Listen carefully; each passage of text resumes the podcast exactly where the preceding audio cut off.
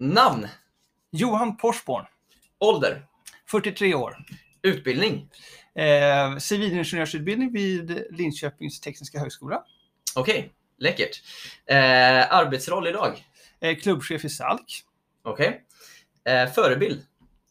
Eh, många olika förebilder och många olika delar. Eh, eh, som tennisspelare Roger Federer naturligtvis. Eh, Naturligtvis. Vem annars? Ja, det finns jättemånga förebilder. Mm. Men om vi tar eh, någon annan del då, förutom spelaren Federer, så här, eh, i din arbetsroll, har du liksom någon du sett upp till där? Eh, på det sättet? Fick ju förmånen att vara med i Swedish Open i Båstad under, under glansår om man får säga som så. Thomas Wallén och Christer Hult gjorde ett enastående jobb. Det är två stycken förebilder, bara för att nämna några.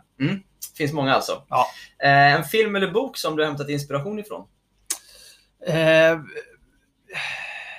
ja, eh, nu kommer frågorna väldigt plötsligt här. Det finns ju otroligt många eh, fina filmer och böcker. Eh, 12 edsvurna män, Sidney Lumet, har du sett den? Nej, den har jag inte sett. 1957, en enastående film. Är den svartvit eller? Eh, den är svartvit, tror jag. Men den är svartvit med Henry Fonda i huvudrollen. Okej. Bara där förstår jag att den är bra. Ja, den fly- flyger över mitt huvud här. Men Ja, eh, ja, den, den, fan, den kan jag rekommendera. Så finns den på Netflix Johan? Eh, det tror jag inte, men det, den finns på topp 10 på IMDB.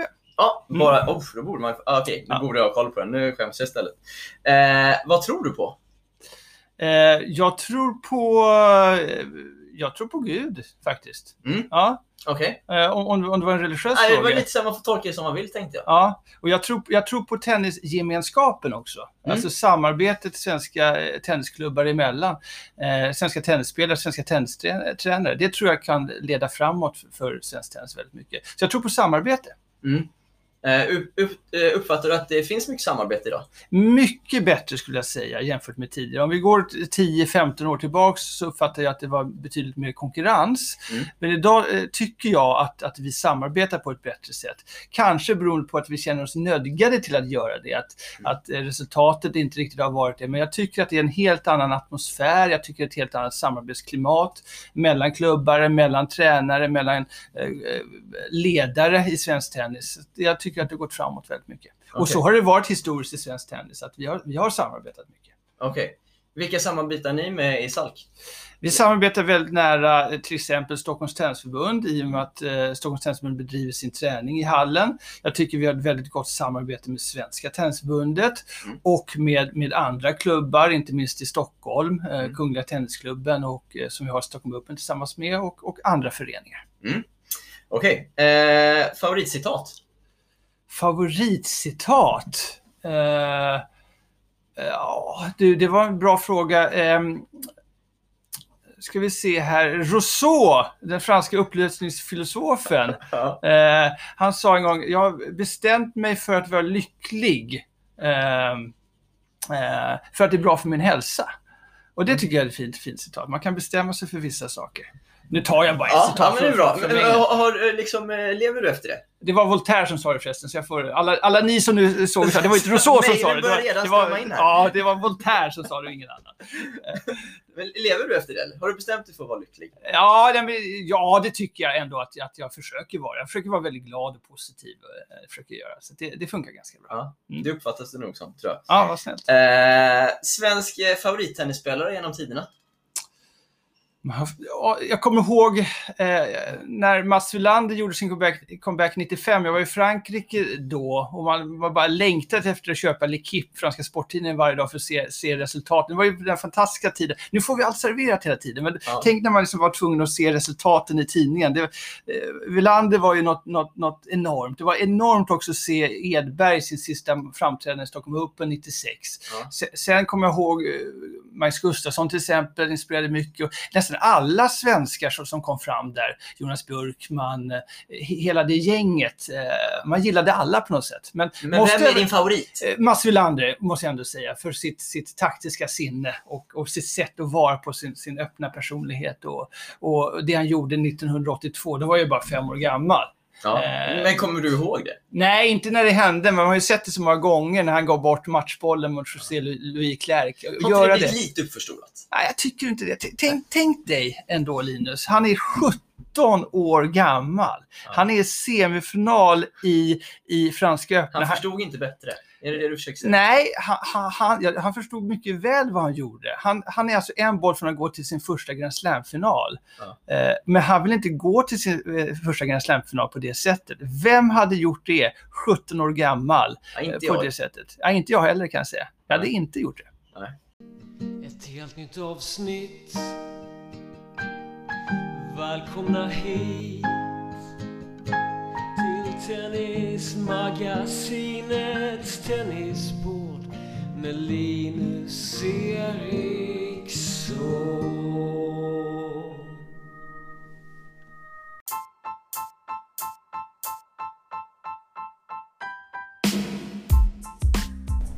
Idag ska ni få träffa en av Stockholmstennisens och kanske svensk tennis större profiler, Johan Porsborn. Johan är klubb, klubbchef på Salk, en klubb han tillhört ända sedan första dagen han tog sig an tennisen som liten grabb. Under åren har han gjort sig, känd som mannen som kan allt om tennis, både dåtidens och nutidens. I dagens avsnitt pratar vi om vad som är fascinerande med tennis, Salks tennismiljö och möjligheter, vad han tror gjort bröderna Ymer till två tennisspelare i världsklass och varför Johan tycker att alla svenska klubbar ska satsa på att ha verksamheter i just världsklass i åldrar 12 år och yngre. Men hur viktigt det även är att större klubbar tar ett elitansvar. Vi välkomnar Johan Porsborn.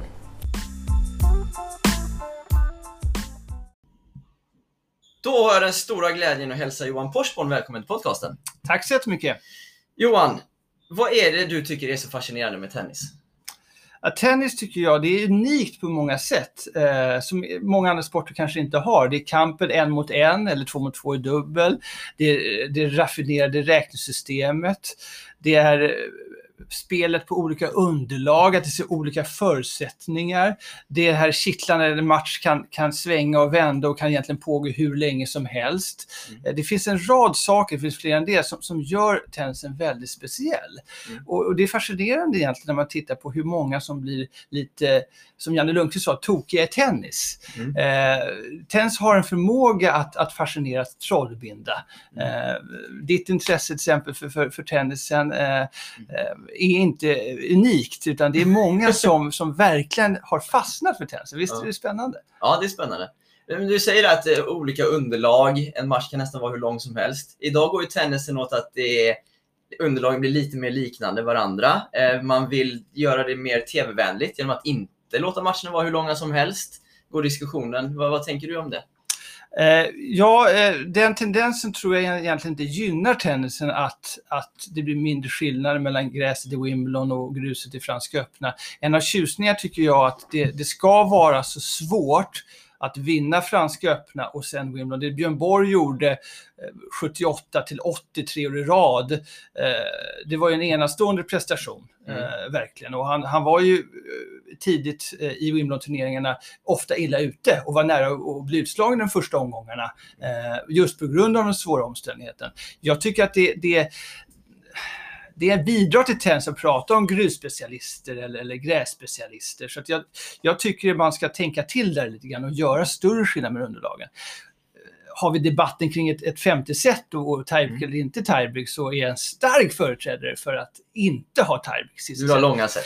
Just den här möjligheten att det kan bli väldigt långt. Isner Mahy 2010 Wimbledon 70-68. Du älskade det. Älskade det. Eh, då säger man, det är ju inte bra för, för, för spelarna, eh, säger man, men hur många gånger har detta hänt i tennishistorien sen, eh, under 143 år? Det har hänt en gång. Ska Mm. vi ändra en regel på grund av att det har hänt en gång? Och alla, eh, de som inte är intresserade av tennisen, Mm. de tycker det här är jättefantastiskt. 70-68, 11 Ja. timmar och 5 minuter, hur kunde det pågå? Det, är ju, det talar ju till tennisens fördel. Ja. Om Isner sen inte klarar av att bryta med serv eh, och, och först vinna efter, efter 11 timmar och 5 minuter, det, det, då kanske han inte heller ska vinna Wimbledon.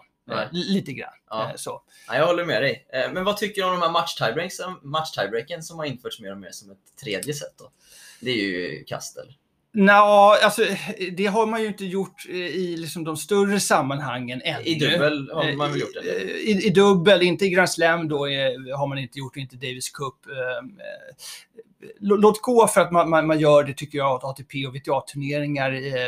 Match tiebreak i dubbel. Men, men i singel eh, så, så tycker jag väl egentligen inte att det är föredra. Däremot, däremot skulle jag kunna tänka mig faktiskt att köra seten till 4G istället för 6G. Ja, lite så här eh, fast forward-format, eh, alla Tennisportalen. Ja, lite alla tennisportaler. Eller Next Generation, Eller Next kanske, ja. Generation, eh, precis, Milano Mm. där och sånt där. För att på, på ett sätt så kan jag tycka att de första gemen är ju inte de man fastnar för, utan det är ju avslutningen av seten. Mm. Och, och, och att då göra lite kortare set eh, innebär att varje boll blir lite mer betydelsefull och lite mer spännande. Mm. Så, så om man ska göra något sånt för att minska matchen så skulle jag snarare dra ner på antal gem. Mm. Eh, men, men ha kvar möjligheten ändå Mm. eh, att, eh, att vinna med, med två games marginal eller Mm. i sista set eller, eller två bollars marginal i tiebreak. Det här är ju inga nyheter. I början på 70-talet så införde man nine point tiebreak. Har du talat Jaha, om det? nej, det har jag aldrig hört talas om. Nej, det var ett tiebreak som var nio poäng. Ja. Så var det fyra lika, då var det avgörande boll. Alltså avgörande boll som skulle vinna hela matchen. Aha, okej. Det är ju, Ja. då är det, det är ju otroligt ju. Och plötsligt så var ju då lottningen mot, mot dåtidens Ivo Karlovic, Roscoe Tanner då, den var ju lite mer eh, viktig då, för man ville ju helst serva där vid fyra lika. Man ville inte ta emot Karlovics serve vid fyra Nej. lika. Så, så det här har man ju testat tidigare och, och även i Wimbledon på, på slutet på 1870-talet i, i den arla begynnelsen så, så hade man ju inte eh, långa set, om man nu Nej. trodde det. Utan det var fem lika så var det avgörande game. Så Mm. man kunde vinna setet med 6-5 och sånt där. Så att, så Okej. att så tro att det alltid varit så här eh, stämmer ju inte eh, riktigt. Nej. Men däremot så tycker jag att det är en del av tennisens särart. Ja. Att det kan bli sådana här uh, Isna-matcher. Ja. Det händer en gång på 143 år. Det får Och det är häftigt. Det jag Ja. tycker det är jättehäftigt. Men, men hur, eh, hur tror du tennisen kommer förändras? Inte vad du tycker, vad, vad, hur tror du att liksom, det kommer se ut framöver? Ja, men vi har ju sett, som du var inne på, en, en klar tendens kring att, att förkorta matcherna. Mm. Eh, kanske också när det är tv, att, som du säger, att, att man vet eh, sändningstiden lite mer. Mm. Man vet att en match tar eh, drygt en timme i dubbel och, och, och, och, och en och en halv timme singel och sånt där. Det är ju svårt i tennis, för man vet aldrig hur det utvecklar sig, men att man får lite bättre koll på det i alla fall. Mm. Så jag tror att man kommer få se ännu mer, lite kortare och li, li, olika varianter. Och det, återigen, det där testade man jättemycket när tennisen blev öppen 1968. Alla de här proffstourerna som kom där testade jättemycket grejer. Man körde set först till, 30, till 31 bollar och 9 point tiebreak och alla möjliga eh, konst, konstigheter då. Mm. Eh, så man har ju testat mycket av det här tidigare. Så det, på, på ett sätt så går eh, historien igen här. Men jag tror att man kommer köra lite kortare och, och att det kommer hända lite mer grejer. Lite mer, alltså Hawkeye-liknande grejer. Man kommer kunna följa statistik och följa det ännu mer. Där ligger tennisen fortfarande lite efter. Okej. Johan, du är, kan ju otroligt mycket om eh, historien inom tennisen. Eh, du har redan refererat bakåt i tiden ett antal gånger här. Vi har knappt börjat än. eh, kan du liksom mest tennishistoria i Sverige? Eller? Eh, det får andra be- bedöma. Det enda jag kan säga är att eh, jag har en väldigt god eh, vänskap med Björn Hellberg som Mm. har hjälpt mig i oerhört många sammanhang. Och vi fick faktiskt möjligheten att skriva en bok tillsammans en gång. Svenska Tennisförbundets 100-årsbok Okej. eh, 2006. Och då var ju Björn huvudredaktör och jag skrev en, en hel del texter och sånt där. Och jag jobbade förbundet på den tiden och Björn ringde mig han ringde mig en helg över hundra gånger är det sant? när jag var sen med att lämna material. Han hade aldrig varit så orolig hela sitt liv, sa han. Eh, och det var underbart att, att jobba tillsammans med Björn. Eh, Okej. Och jag lärde mig jättemycket där. Och jag levererade till slut texterna i tid, ska jag säga. Ja, du gjorde det? Ja, men det Ja. var en, härlig anekdot där. Eh, Ja. eh, Det handlar inte om vem som vet mest. Men det Eh, är ändå lite intressant, eller lite kul att prata om. Ja, då får man ju göra... Alltså, på- ett sätt så, så hade det varit kul om det fanns någon form av eh, världsmästerskap i, i tennishistorien eller liknande. Där man, man, man samlades i ett rum då, då man fick kvala eller sånt där. Och så, Du så hade var- ju gått rakt in i huvudtävlingen. nej, det vet jag inte. Men, men, men så, så var det ren frågesport och sådär. Det Ja. skulle vara jätteroligt. Ja, exakt. Ja, Ja. typ som som en. Jeopardy-stuk nästan. Ja, fast ändå inte. Men där kan jag berätta en rolig historia. Jag, Ja. jag var i... jag bodde lite grann i Frankrike, eller Ja. Frankrike, så var jag i Monte Carlo 2003 och där träffade jag Kjell Johansson som är en otrolig person och fantastisk. Jag spelade lite med hans son, eh, Christian Johansson. Han var i samma år, årgång som mig. Just det, 89 där, Ja. just det. Ja.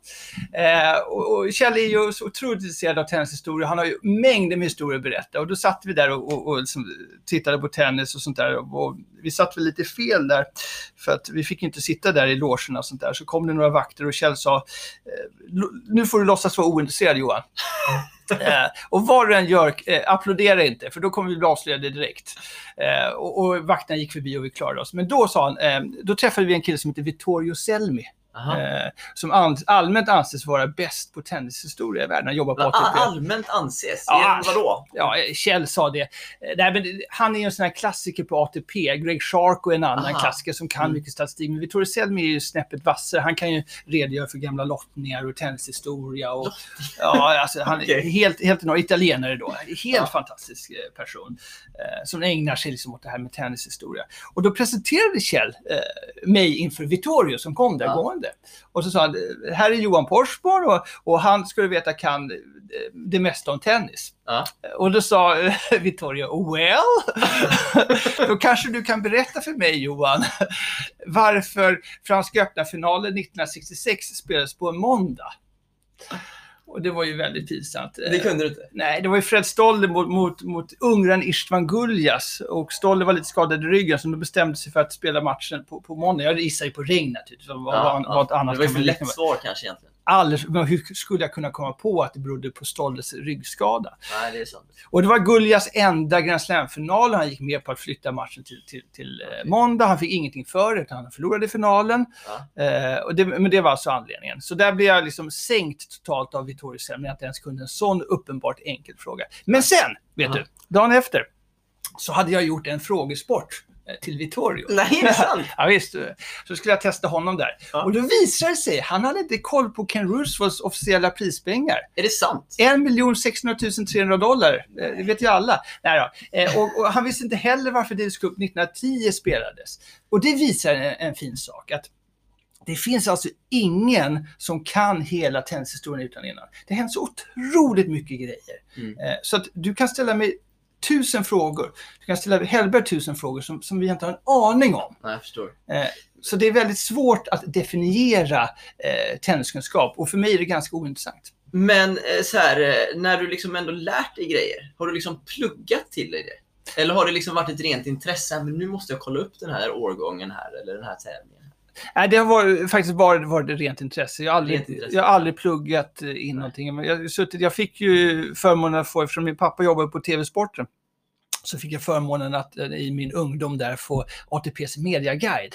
Ja, just det. Ja, Mm. du kommer ihåg det? Ja, jag har ju fått testa dig någon gång där. Ja. Eh, ja. Och jag har ju kvar dem fortfarande Mm. hemma och det finns ju inte en ATP-guide som inte är totalt sönder. Alltså sidorna är ju lösa, eh, för, för man läser dem hela, hela tiden.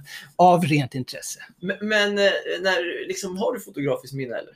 Ingen har väl fotografiskt med det beror på vad du menar med Nej, men fotografiskt du, minne. ser, du läser en sida, sen kan du den.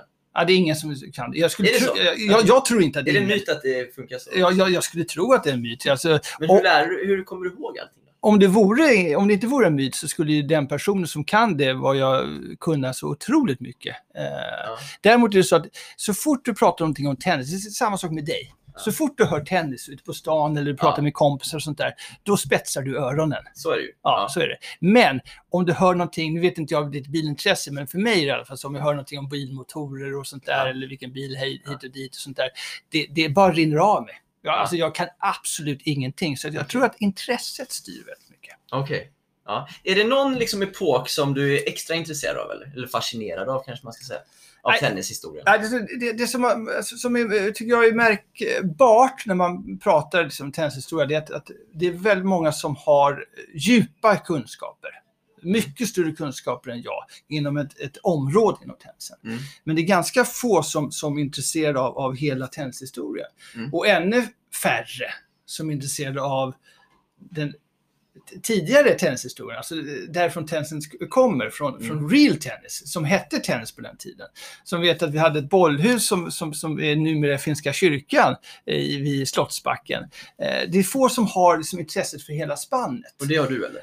jag, jag är i alla fall intresserad av hela spannet. Mm. Men det betyder att man har ju inte detaljkunskaper om hela spannet. Men bara för att ta det där med Slottsbacken och Finska kyrkan. Mm. Jag var tvungen att åka en helg här nu för, förra, förra, förra hösten här. Eller för, för ett och ett halvt år sedan. Så jag var tvungen att åka in till Slottsbacken och försöka ta mig in i Finska kyrkan. Ja, du var tvungen till det? Ja, för att, för att liksom känna atmosfären. Här inne spelade man real tennis på, på 1600-talet. Okej. Eh, Och, och jag lyckades bli kompis med en vaktmästare där, där Ja. utanför. Jag började snacka med honom och sånt där. Ja. Och han släppte ju in mig. Ja. Och det var alltså, vi pratade om, om religion förut, det var alltså min första religiösa tennisupplevelse i och med att det var finska kyrkan då. Ja. Och få se och vara där orgelmusiken spelades och liksom föreställa sig, här slogs det alltså tennisbollar på 1600-talet. Okej. Så, så ta ett besök till finska kyrkan, det, det kan jag rekommendera. Ja.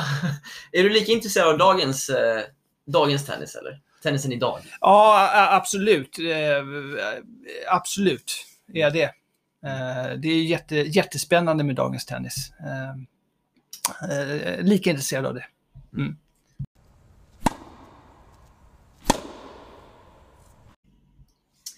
Johan, du är ju eh, väldigt starkt förknippad med Salk. Vad betyder Salk för dig? Salk eh, betyder gemenskap, eh, det betyder eh, glädje, det betyder att alla är välkomna. Det är lite grann, det är, vi är Stockholms allmänna låntennisklubb. Vi är en klubb för alla.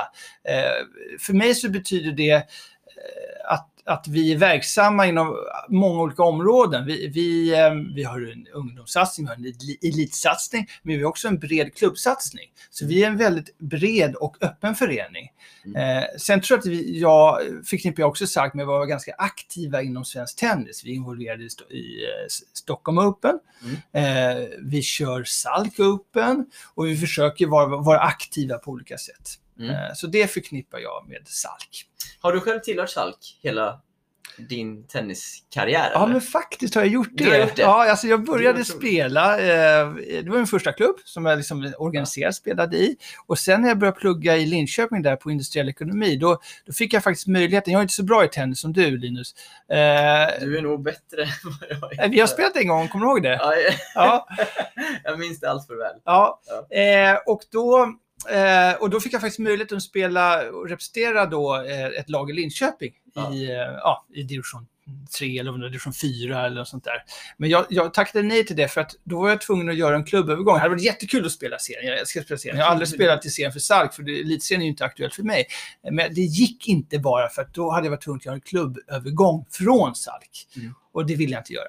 Det är inte så vanligt att liksom man har den formen av liksom klubbhjärta fortfarande. Eh, hur, hur, liksom, hur kommer det sig att du har varit, har fastnat så otroligt för Salk? Liksom? Det, det var min första klubb och sen så tror jag att eh, man var med där bland juniorerna och, och kämpade och, och sånt där. Och sen, blev- en, en stark ledare då var ju Pe- Per-Ola Lindqvist, P.O. Lindqvist. Mm. Eh, och han, han göt mod i oss juniorer och, eh, och eh, då fanns det inte något annat än att köra för Salk och att rep- representera Salk och att verkligen bidra också till Salk. Att Det handlar inte bara om vad, vad kan jag få ut av klubben utan vad kan faktiskt jag bidra med till klubben. Vara med, eh, organisera Salk Open, ställa upp i olika sammanhang. Så jag tror att han påverkade mig väldigt mycket. Mm. Men också liksom att vara en bra kamrat, vara liksom schysst mot andra och sånt där. Det var, det var eh, ja, jag fick en väldigt fin upp, uppfostran i det genom, genom ledarna på Salk. Upplever du att liksom dagens juniorer på Salk har samma klubbhjärta ja, hjärta för klubben som idag som förr då? Ja, men jag, jag tycker att det är jättebra. Jag, framförallt blir man ju glad när eh, juniorerna, som du säger, håller ihop och sånt där. Och det har varit ett gäng som eh, på fredag, lördagkväll, de sitter och spelar, eh, nu inte nu under coronan ty- tyvärr, men, men eh, det kommer ju komma tillbaka sen. Men före coronaperioden så spelade kort i klubbrummet, de, de hängde tillsammans, de hade kul och så vidare. Och man blir så glad av det. Så att det, det, det finns verkligen och eh, det är jätteroligt när man ser det. Mm. Är det en bra gemenskap bland juniorerna på Salk? Är din bild det? Ja, absolut. Jag tycker att eh, vi har väldigt fina ungdomar som tar hand om varandra, är väldigt snälla mot varandra. Jag tycker att, att eh, yngre kan umgås med äldre. Eh, sen kan det alltid ske incidenter. Det, Mm. Var händer inte det? överallt. Ja. Ja. men, men på det stora hela, jättebra. Man blir så glad. Ja, men det är faktiskt jättefint. Och du som eh, liksom, eh, är, liksom, jobbar på Salk då, är det lika bra gemenskap bland alla era anställda? Eller? Jag tycker faktiskt att en av, av eh, förtjänsterna på SALK är den goda sammanhållningen i, i personalen. Eh, Mm. Vi ställer upp för varandra och det, det, det är liksom på tränarsidan. Någon är, inte kan, är sjuk till exempel och inte kan komma, då är det någon tränare, annan tränare som ställer upp. Och, eh, och, och samma sak med på den administrativa sidan. Det, det är härlig gemenskap och man, man stöttar varandra och vi har liksom kul tillsammans. Så det, det tycker jag är en av, av SALKs styrkor, måste jag säga. Okej. Ja. Nu pratar jag väl om SALK, men... Ja, jag, här, jag Ja. tänker, det är otroligt positivt här alltså. Eh, men, men det kanske är så, helt enkelt. Nej, det, det, det, alltså, vi har ju, om man säger så här, vi, vi är ungefär 400, drygt 400 klubbar i Sverige nu och, och det som svenska tennisklubbar Ja. bidrar med och den gemenskap som finns på tennis, svenska tennisklubbar, det är ju en, en stor bidragande orsak till att vi har fått så fina framgångar. Eh, att vi har så starka föreningar faktiskt i, i svensk tennis. Ehm, och, och den fostran som man får genom den föreningen tror jag har betytt jättemycket för de som har kommit fram. Jag tror att det kommer betyda jättemycket även framöver. Även om satsningarna blir mer eh, individuella så tror jag att spelarna har med sig den, den gemenskapen från klubbarna. Det, det tror jag faktiskt att man kommer ha. Okej. Eh, ja, precis. För, ja, för framtiden kan ju se annorlunda ut i hur man blir når framgångar. Liksom. Alltså, jag förstår att tid, det, spelarna har ju haft en fot i föreningslivet, men, men eh, det kanske är trots klubbstrukturen, inte tack vare klubbstrukturen, vi fått fram spelare. Ja, eh, vi har ju varit väldigt framgångsrika på det i alla fall. Rent Ja. historiskt har vi varit. Men Men det har inte funnits några alternativ eller?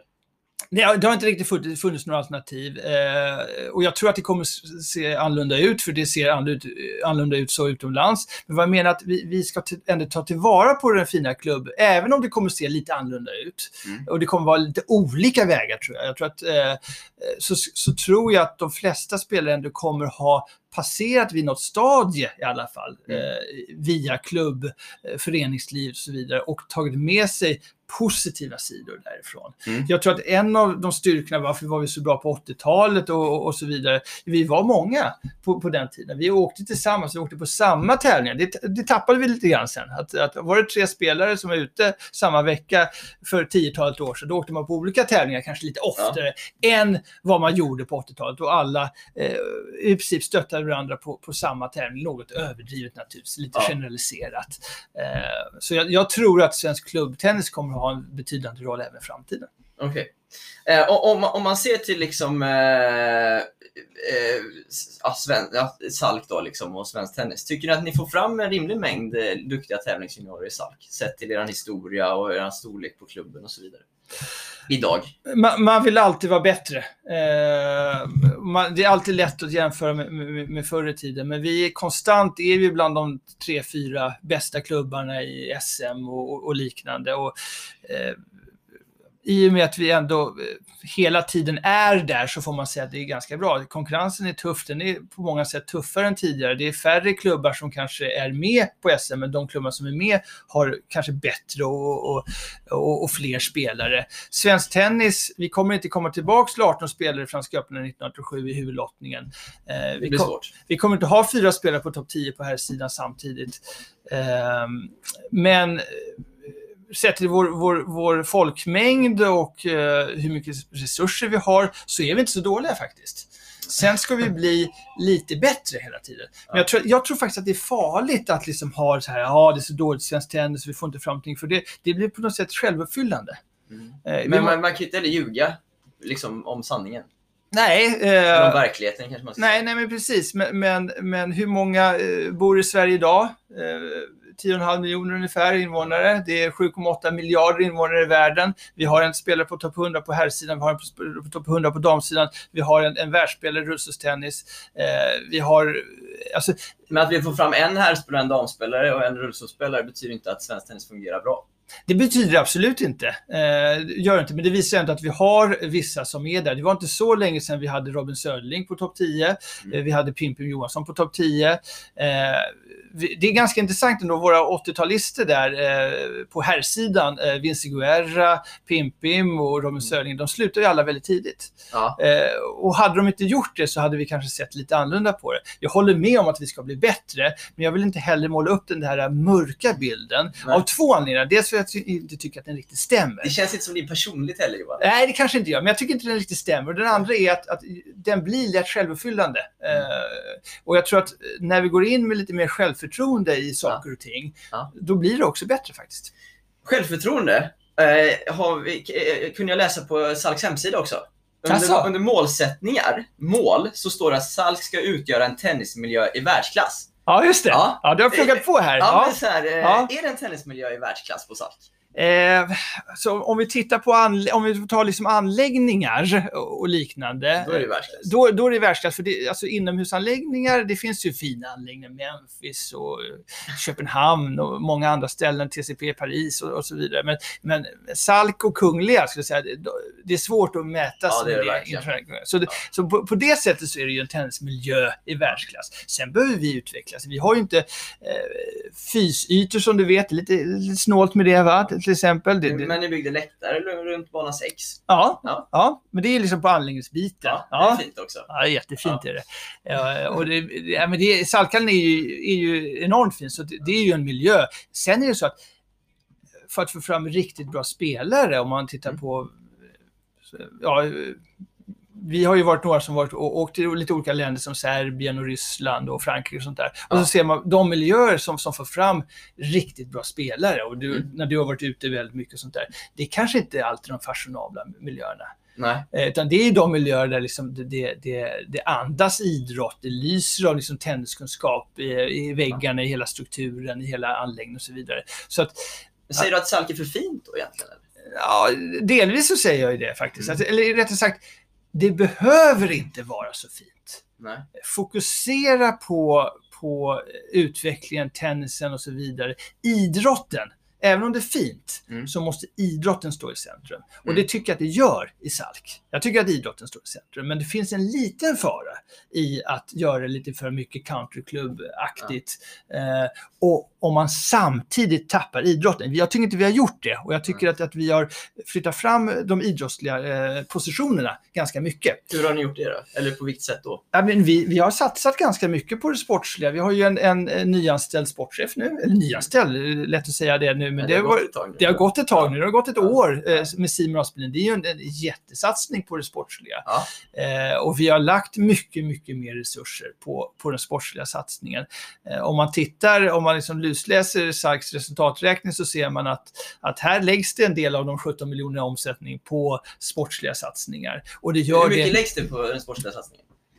Eh, Jag har inte lusläst nu, men du ja, men alltså, ja, men, utan att gå in på detaljer så, så, så det är klart det kostar att ha att ha en, en stor juniorsektion, en stor elitsatsning. Eh, det, det kostar pengar, men det gör det i alla, för alla tennisklubbar. Och det är otroligt viktigt att vi i Svensk Tennis lägger de pengarna på barnen och ungdomarna och elitspelarna. Mm. Om vi nu ska få fram spelare. Utan att gå in på, på numerärer och siffror och sånt där så kan jag säga att Salk är, är en av de klubbarna som har identifierat det här som viktigt Mm. och som lägger stora pengar på den sportsliga satsningen.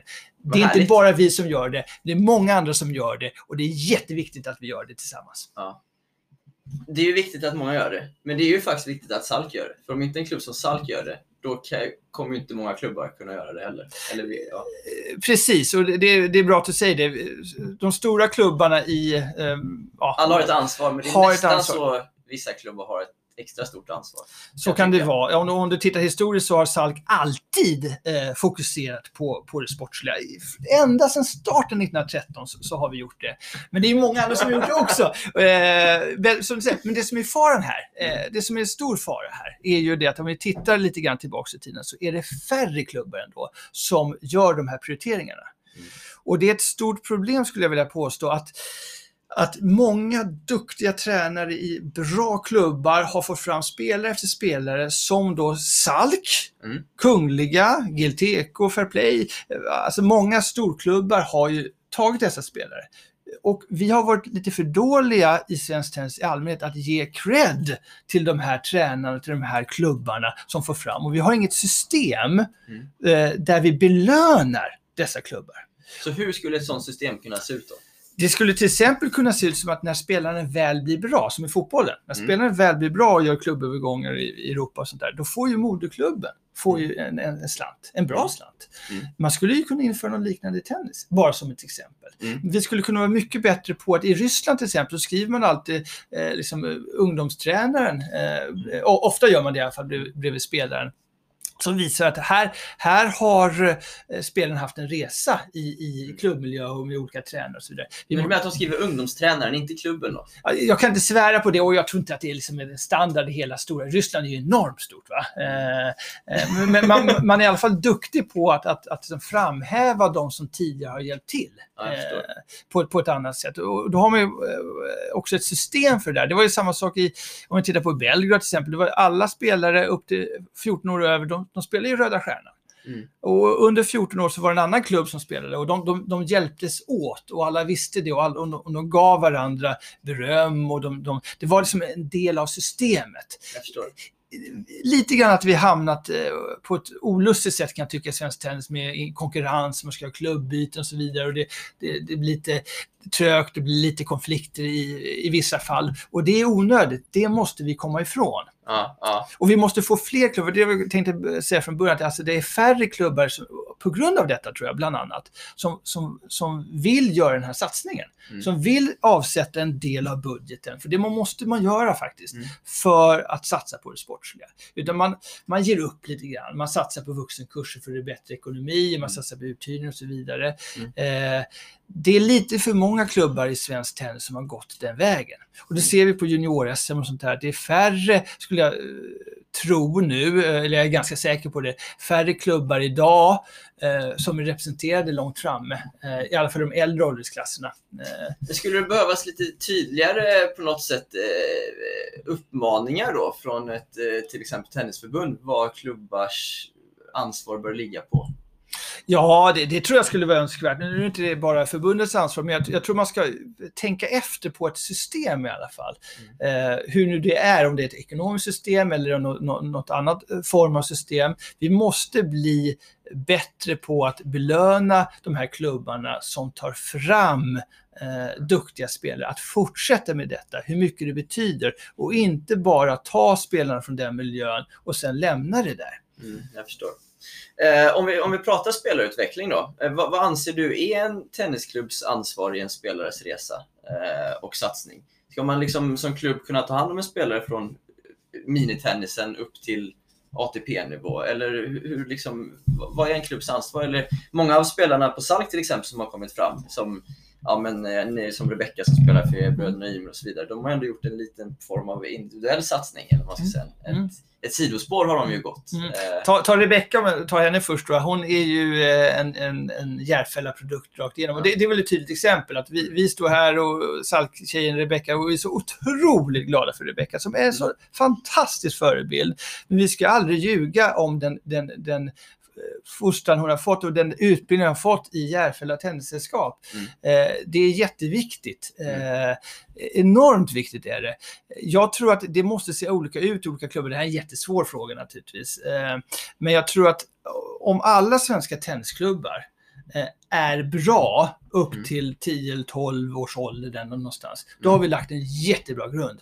Mm. Sen är det så svårt Eh, för många eh, mindre tennisklubbar att ha även en satsning eh, uppåt i åldrarna. Som är, alltså, för den kostar ganska mycket och så vidare. Det är där jag pratar om det här systemet. Om en spelare går vidare så måste vi ha ett bra system som belönar den klubben. Ja. Eh, så vi måste ha ett smart system där. Men jag tror att alla klubbar ska ha en oerhört bra eh, barn och ungdomssatsning upp till, säg 12 års ålder. Ja, det tycker Ja. jag. Allas klubbar Ja, det tycker jag alla klubbar ska ha. Eh, för där läggs ändå grunden. Spelarna kommer in och, eh, till, till alla tennisklubbar, då måste vi kunna ta hand om dem. Mm. Sen, har, har ni en sån bra verksamhet upp till 12 eller? Även om ni får spelare från andra klubbar? Ja, vi, absolut. Det tycker jag att vi har. Mm. Vi satsar mycket på, på den och vi kommer satsa ännu mer på den framöver. Eh, och och den, den är riktigt bra tycker jag. Men, men samtidigt så att storklubbarna eh, styrka är ju oftast i de lite äldre åldrarna, där det är fler spelare som samlas och man, man kan träna tillsammans. Där är det nog färre klubbar eh, som, eh, som kan bedriva en riktigt bra satsning. Ett problem i svensk tennis är ju att många klubbar vill göra allting och då blir det lite halvdant. Mm. Eh, vi skulle tjäna på, tror jag, att vara lite specialiserade, lite mer specialiserade. Eh, men att ha system där det är positivt att, spelaren går vidare och att, att det belönas. På junior-SM upp till 12 års ålder, nu finns inte det riktigt, men, men eh, säg upp till 14 års ålder, Ja, det finns ju upp till 12 också. Ja, ja precis. Eh, eh, men du förstår, vad- du förstår vad jag Ja. menar. Där vill man ju att många klubbar ska vara representerade. Ja, Eh, och, och sen så får man acceptera att man söker sig till lite mer centra. Och, Men vad skulle Salks roll till exempel kunna vara då? I en sån här struktur? Jag tror att, att om, om, vi, om vi tittar på det som Tennis Stockholm till exempel Mm. har, eh, har träning, nu är det inte Sark som bedriver den träningen, men den sker ändå i Sarks lokaler. Där, Ja. där bidrar vi med att, infrastrukturen. Eh, men jag tror att vi kan bidra jättemycket på, eh, inte minst eh, de lite äldre spelarna, eh, juniorerna och, och eh, seniorerna, att eh, spela tillsammans, träna tillsammans, att, att det läggs satsningar och läggs resurser där. Mm. Ehm, det tror jag Sark absolut. Och vi måste vara med och bidra med svensk tennis. Det, eh, vi måste tänka inte bara klubb, utan vi måste tänka eh, svensk tennis. Det tror jag är jätteviktigt. Mm. Ja, det håller jag med om. Eh, Johan, vi, eh, jag har lä- läst en grej till här på hemsidan som Mm. jag tänkte fråga. Eh, Under värdegrund så står det att vi strävar hela tiden efter att bli bättre och är inte rädda att prova nya tankar och idéer. Mm. Och då blir jag ju såklart nyfiken på liksom, eh, vad har ni för nya tankar och idéer just nu? Vad, liksom, eh, ja, vad, vad, vad kommer ni testa på framöver här? Ja, det, det, det, det återstår att se vad vi ska göra i framtiden, men, men jag tror att det är jätteviktigt att, att våga vara innovativ och hela Ja. tiden testa nya grepp och, och se. Och nu, nu har vi ju en lite speciell, det är lite tråkigt just nu, det ska man faktiskt säga på grund av eh, pandemin. Absolut. För nu kan vi inte testa alls eh, särskilt eh, mycket. Eh, men där gör ju Simon och alla ansvariga tränare och alla tränare ett, ett, ett fantastiskt jobb med eh, olika saker, olika grepp hela tiden. Eh, Vad alltså kan det bara vara till exempel? Det- Det kan vara, ja, det, det, det, kan vara, det kan vara att, att nu har vi kört in en ny t- topspin-utrustning här som vi testar olika sätt för att, för att uh, underlätta det. spelarna att, att eh, toppa bollarna på ett mer naturligt sätt. Det är. Nej, men det, det, det, är hela tiden eh, gäller det att vara med på, på utvecklingen och, och ta inspiration och ta idéer. Och nu har vi gjort väldigt mycket eh, senaste tiden här med olika sign-in och drop-in eh, varianter. Det, det vill säga att, att man ska kunna träna när man, när man kan. Eh, Ligger i tiden. Ja, ligger i tiden och lite mer flexibelt till Mm. exempel. Så vi, vi, måste, vi kommer nu också titta på, på grund av skolgången, hur kan vi lösa det så att vi kan liksom lägga tennisträningen lite senare. Mm. Eh, då, där måste vi verkligen vara innovativa för att lyckas med det. Mm. Eh, så vi, vi ställs hela tiden inför nya utmaningar. Mm. Eh, Salk Open tycker jag är ett bra exempel på, på en ganska innovativ tävling där vi har eh, testat olika grepp. Ett år körde vi utan nätsurr till exempel. Det Ja. var ju Det var- otroligt intressant. ja. Eh, Gör ni det fortfarande? Eller? Nej, vi var gjorde det ett i år. Vi Ja. gjorde det som test för att se i en större nationell tävling, hur funkar det? Ja. Kan vi ta bort nätsurrsregeln i tennis? Ja. Hur, hur, vad blev resultatet? Eller vad kom ni fram till? Eh, Vi, vi- tyckte att det var väldigt positivt. Vi tyckte att spelarna anpassade sig. Vi tyckte att, att det fungerade alldeles utmärkt att ta bort Det vet jag vi, jag jobbade ju med Mälarhöjden då. Det Ja. tyckte vi också. Att Ja. det funkar bra. Och ändå så är det frapperande att det inte hänt någonting på den, på den punkten. Det är lite... eh, Men ni valde att inte fortsätta ändå? Ja, alltså, anledningen till att vi inte valde att fortsätta är för att vi tycker att det är fel att man i en enskild tävling kör det Mm. eh, och sen kommer man till nästa tävling så kör man inte med det. Eh, det blir alltså oerhört svårt för spelarna Ja, att, att byta från tävling till tävling. Däremot så tror jag jättestarkt på att ta bort eh, den lite förlegade näsrusregeln. Tänk vad mycket mindre problem vi skulle få i elitserien till exempel med alla klagomål eller vintertouren och sommartouren på att det var näsrur hit och dit. Eh, jag tycker att tennisen är mogen faktiskt att ta bort den, eh, Okej. den regeln. Helt Ja. klart. Eh, jag är också lite nyfiken Johan. Eh, det, ni, det är inte många klubbar som har flera olika våningsplan med eh, banor som, Mm. som Salk har. Mm, Eh, precis. Tumba och Salk. Ja, nu är det. Tumba också. Ja. Ja. exakt. Eh, det finns ju några stycken då, men Ja. bland annat Salk. Eh, jag vet inte om man säger att ni har två eller tre våningsplan. Alltså, Vad säger ni själva? eh, Jag skulle säga två, men det är ju, det är ju ett, en, ett mellanplan där också. Så Smått egentligen är det ju tre, Ja. eh, om man är bokstavlig. Ja. Och, och då tänkte jag så här, hur, hur mycket försvårar det den röda tråden i verksamheten? När man inte liksom, jag tänker att här, man ser inte riktigt vad som händer på det andra planet. Mm. Kontakten mellan tränarna kanske blir lite, lite sämre. Jag vet inte. så här. Eh, men I andra klubbar så kan man ju ofta lite lättare synkronisera, liksom, Mm. se vad andra Mm. gör och prata med varandra. Det är alltid så, alltså, ökar man antalet banor så blir det naturligtvis svårare. Eh, Ja. Vi har 14 banor har vi. Men om du, om du tänker hur kompakt våra 14 banor ligger. Mm. Alltså, det är inte långt från, från bana eh, 1 till bana 12 som är längst avstånd mellan. Det är inte så eh, långt. Nej, det beror helt på hur positivt man tänker. Ja, det Men, beror på okej. det. Men om, om du tänker, om du ska, och, om vi säger så här. Du får en uppgift här nu Linus. Att du ska, du ska ge mig ett papper sen på hur vi kan placera 14 banor på ett bättre sätt egentligen. Okej, vi- så- men, men så här, okej, du må ha rätt där Johan, att det kanske inte är superlångt. Men det är inte lätt att bara snabbt slänga ett ord till tränaren på bana 12 om nej. han står på bana 1. Mm. Eller så här liksom, åh, hur ser den där spelaren ut? Kan jag flytta med, med den i min grupp här nere Mm, till exempel?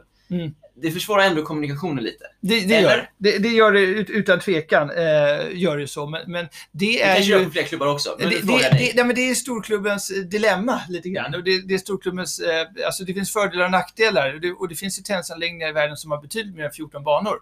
Eh, Ja, det finns det också. HVS i Finland har det inomhus till exempel och de har till och med två anläggningar. Eh, Ja. har de. Och där är ju en, en, ännu tuffare. Men jag tror att givet att vi har 14 banor, alltså om vi tar det som grundförutsättning, så, så, så är ändå Saltkanen väldigt kompakt.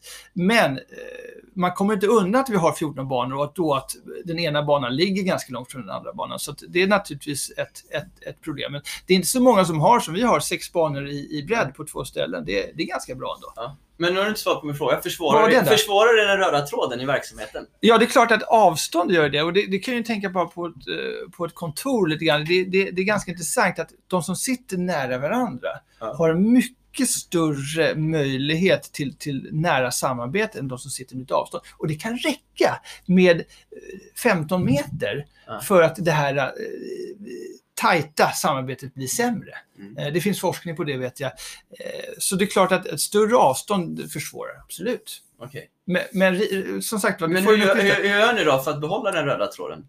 Mellan våningsplanens tränare och eh, liksom grupper och så vidare också. Ja, men vi försöker ju ha möten och, och prata oss samman och, och, och diskutera, men det, det är klart att under själva eh, träningspassen så är det ju svårt att kommunicera mellan över och undervåningen. Du, du har ju helt rätt naturligtvis.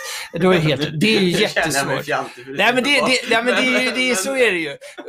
Och, därför har vi ju, alltså, om vi tar blockträning och sånt där. Alltså nu kör vi eh, grön tennis, nu kör vi orange tennis och så vidare. Det sker ju på banorna till varandra. Ja. Så att tränarna kan, kan prata med varandra och, och spelare kan gå mellan banorna och så vidare. Eh, så, men det det är en utmaning naturligtvis. Ja. Det är samma, du vet ju Salka det är en utmaning där också. Ja, men jag vet ju i Smedslätten så har vi fyra banor och sen har vi ett tält med två banor. Så Mm. det är inte så mycket kommunikation däremellan under liksom. Precis, Eh, och då så- har vi i alla fall... har samma problem. Ja. Men därför tyckte jag det var intressant att höra hur, hur ni jobbar, jobbade med det. Det, det, är- det, det är en mycket bra fråga och du har sannoliken en poäng där. Men, men jag vill bara pröva, och Spelsätten har fyra banor i rad sen ett tält. Då har vi faktiskt sex banor i rad. Ja. Så, att, så, så att på det sättet är vi faktiskt lyckligt lottade också. ja, det är bra. Här var jag kanske lite orättvis. Det finns givetvis många anläggningar där banor ligger utspridda och kommunikation, kommunikationen mellan tränare och mellan verksamhetsgrenar blir svår. Både i större klubbar och i mindre klubbar. Jag hängde upp mig lite för mycket på att Salk har flera våningsplan, vilket är relativt ovanligt, men själva kommunikationsmöjligheterna är ju inte sämre på Salk än på exempelvis, jag tar bara ett exempel, GLTK. Så my bad, helt enkelt.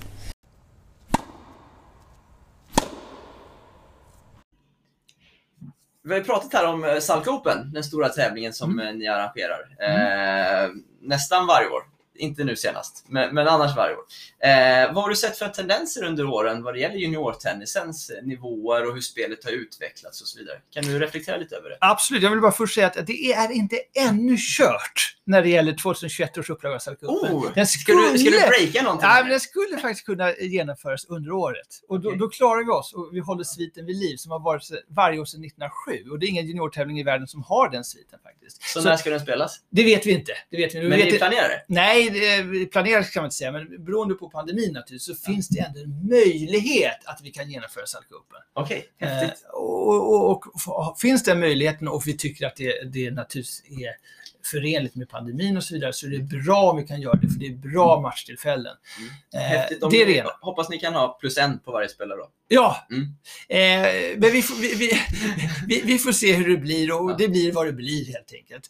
Eh, jag tycker, om man tittar på, på, på Salka Open och tittar på övriga svenska juniortävlingar så tycker jag faktiskt att tennisen utvecklas ganska mycket i de yng- yngre åldersgrupperna. Ja. Ja, Alltså, jag tycker att eh, 10-åringar, 12-åringarna, eh, 14-åringarna också delvis kan mycket, mycket mer tennis eh, idag än, än för tiotalet år sedan. Eh, Ja, du känner så? Ja, jag, jag känner så. Jag, jag tycker faktiskt att må, många ligger eh, bättre till eh, Okej. i de yngre åldersklasserna.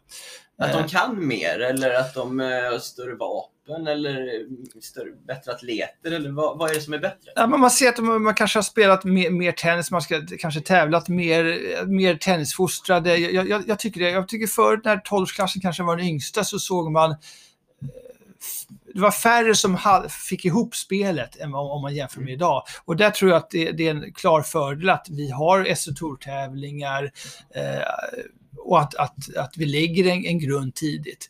Eh, så där tycker jag det är bra. Och sen är eh, kanske det blir då inte på samma sätt. Eh, eh, den avtar i alla fall den positiva utvecklingen om, vi- om vi tittar på 14, 16, 18.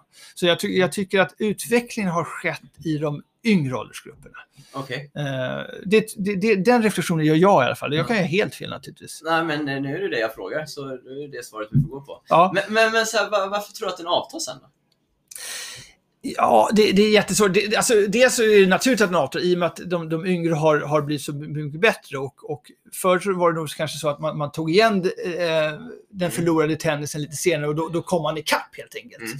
Sen, sen tycker jag mig ändå kunna se att, och det finns ju hela tiden undantag. Alltså, det är så farligt att generalisera och säga det ena och det andra. Det finns alltid undantag. Men, men det är klart att, att rent taktiskt och, och, och, och, sånt så finns det, kan jag tycka i vissa fall, eh, saker att utveckla. Alltså jag tycker egentligen inte tekniskt eh, och, och inte fysiskt, men jag tror rent taktiskt eh, så finns det mycket som, som kan utvecklas i de lite äldre juniorklasserna. Mm. Och inte, utan att säga att, att det, det är så för alla spelare naturligtvis, men, men, men, Nej, men rent, rent allmänt eh, så, så kan jag tycka på det. Och det kan ju bero på att, att vi spelar lite för lite idag ut, utan eh, tränare. Eh, lite mindre spontanspel, lite färre matcher. Vi är lite för rädda att, att spela mot klubbkompisen och, och, och mäta sig mot, mot denna. Jag tror att det är jätteviktigt att göra det. Okej. Eh, jag, jag säger inte att det är katastrof på något sätt, men, Nej. men om, om du ska ta liksom en allmän reflektion. Mm. Eh, men det, det har också att göra med att tennisen är inte lika taktisk som idrott som den var tidigare. Eh, det, var, det är den faktiskt inte. Berätta mer. Med materialutvecklingen så, så tycker jag i alla fall, om, om, om du tittar på, på YouTube, eh, på, på liksom gammal, gammal tennis från 60-talet, 70-talet, titta på Rod Laver och, och, och Ken Roosevelt, hur de spelade, Mar- eh, Billie Jean King och Margaret Court och så vidare. De byggde upp spelet på ett annat sätt än man gör det. Man kan liksom inte riktigt spela som att spela som Mats Wilander gjorde eh, på 80-talet, jag hyllade honom eh, Mm. till skyarna förut här. Eh, det funkade på ett enastående sätt då. Mm. Jag tror inte att det funkat på samma sätt idag. Utan Mats hade varit tvungen, han hade gjort de anpassningarna. För han, han- ja, utan tvekan. Utan Okej. tvekan hade han gjort det. Men han hade varit tvungen att, att förändra sitt spel jämfört med 80-talet. Det är inte lika lätt att vara en Sonto idag, eller en Mats Wilander eh, för den delen. Nej. Utan det, det är en, en, en, en mer fysisk idrott, en mer, på det sättet en mer enformigt spel. Eh, och du tog upp det att under, skillnaden mellan underlagen är mindre ehm, och, och så vidare. Och, och det bidrar nog till det lite mer enformiga spelet, det lite mindre, skulle jag säga, taktiska spelet. Mm. Eh, Rätt, eh, på gott eller ont, det ska inte jag säga, men, men, men det är den, en analys som jag har gjort. Eh, du, du nämnde ju spontanspelet här i förbifarten.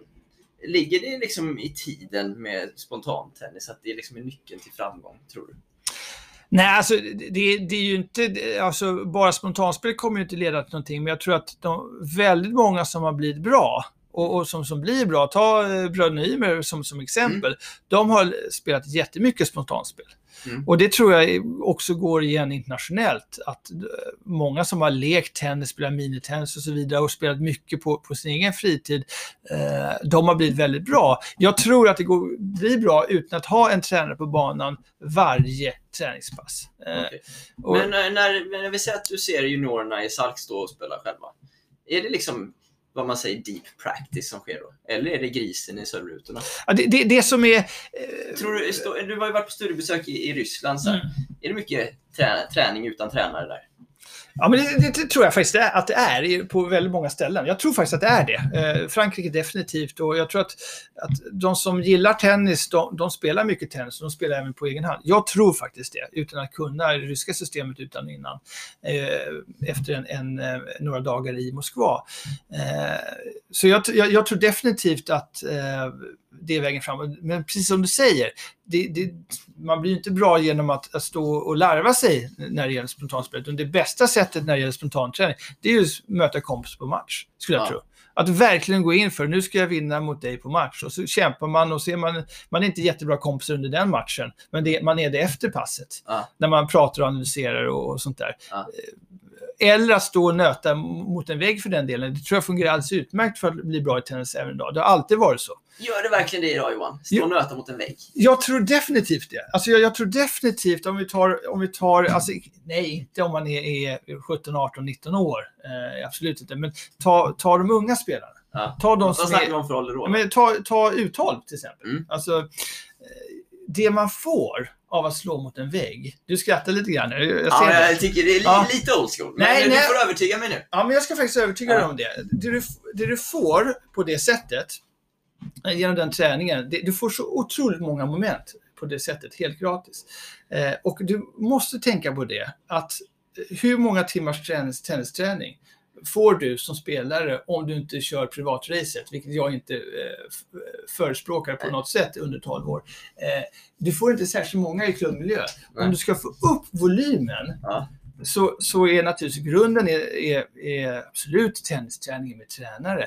Men komplementet med att sparras mot kompisar, komplementet med att stå och, och nöta mot en tennisvägg, eh, det du får i, spel, alltså i, i öga-hand-korrelation, det du får i en, en väldigt bra volley, om du gör det med rätt boll, om du har en midboll eh, och inte en hård boll. Eh, det du får eh, i, i ditt, ditt tålamod, i ditt, ditt sätt att koncentrera dig, det sätt att, vara, att slå bollen precis där du vill slå den, för annars så får du inte den bollen dit du kommer. Eh, Jag tror att det är otroligt betydelsefullt.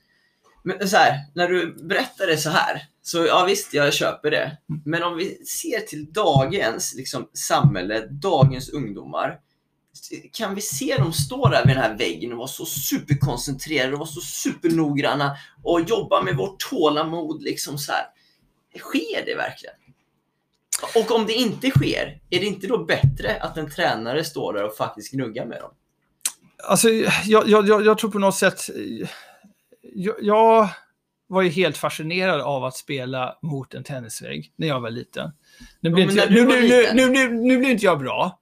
Eh, Men, men man måste säga så här, människans eh, genom, alltså vår genuppsättning är ju inte, är inte annorlunda idag än, än vad det var, var, var då. Nej. Så, så, så det som lockade människan då kan absolut locka människan idag. Det är det att vi inte gör det lika ofta. Alltså den, den lust och den, den, den glädje som man kan få av det, alltså ja, den, den är jättestor. Och jag tror att den slår många i många fall, sociala medier och, och annat eh, som, som är väldigt populärt idag. Jag tror absolut att man bara ger det chansen så tror jag att, att eh, spelare uppskattar Och jag vet idag att spelare gör det. Spelare kör ju, det är inte så att det är dött när det gäller spontantennis. Nej. Så jag tror absolut att man kan finna lust och glädje i den typen av träning. Okej. Jag har svårt att se någonting som är så himla mycket roligare i alla fall. Nej, Nej okej. Eh, Du nämnde här förut eh, bröderna Ymer som ju liksom eh, har varit på Salk. Ja, när kom de till Salk?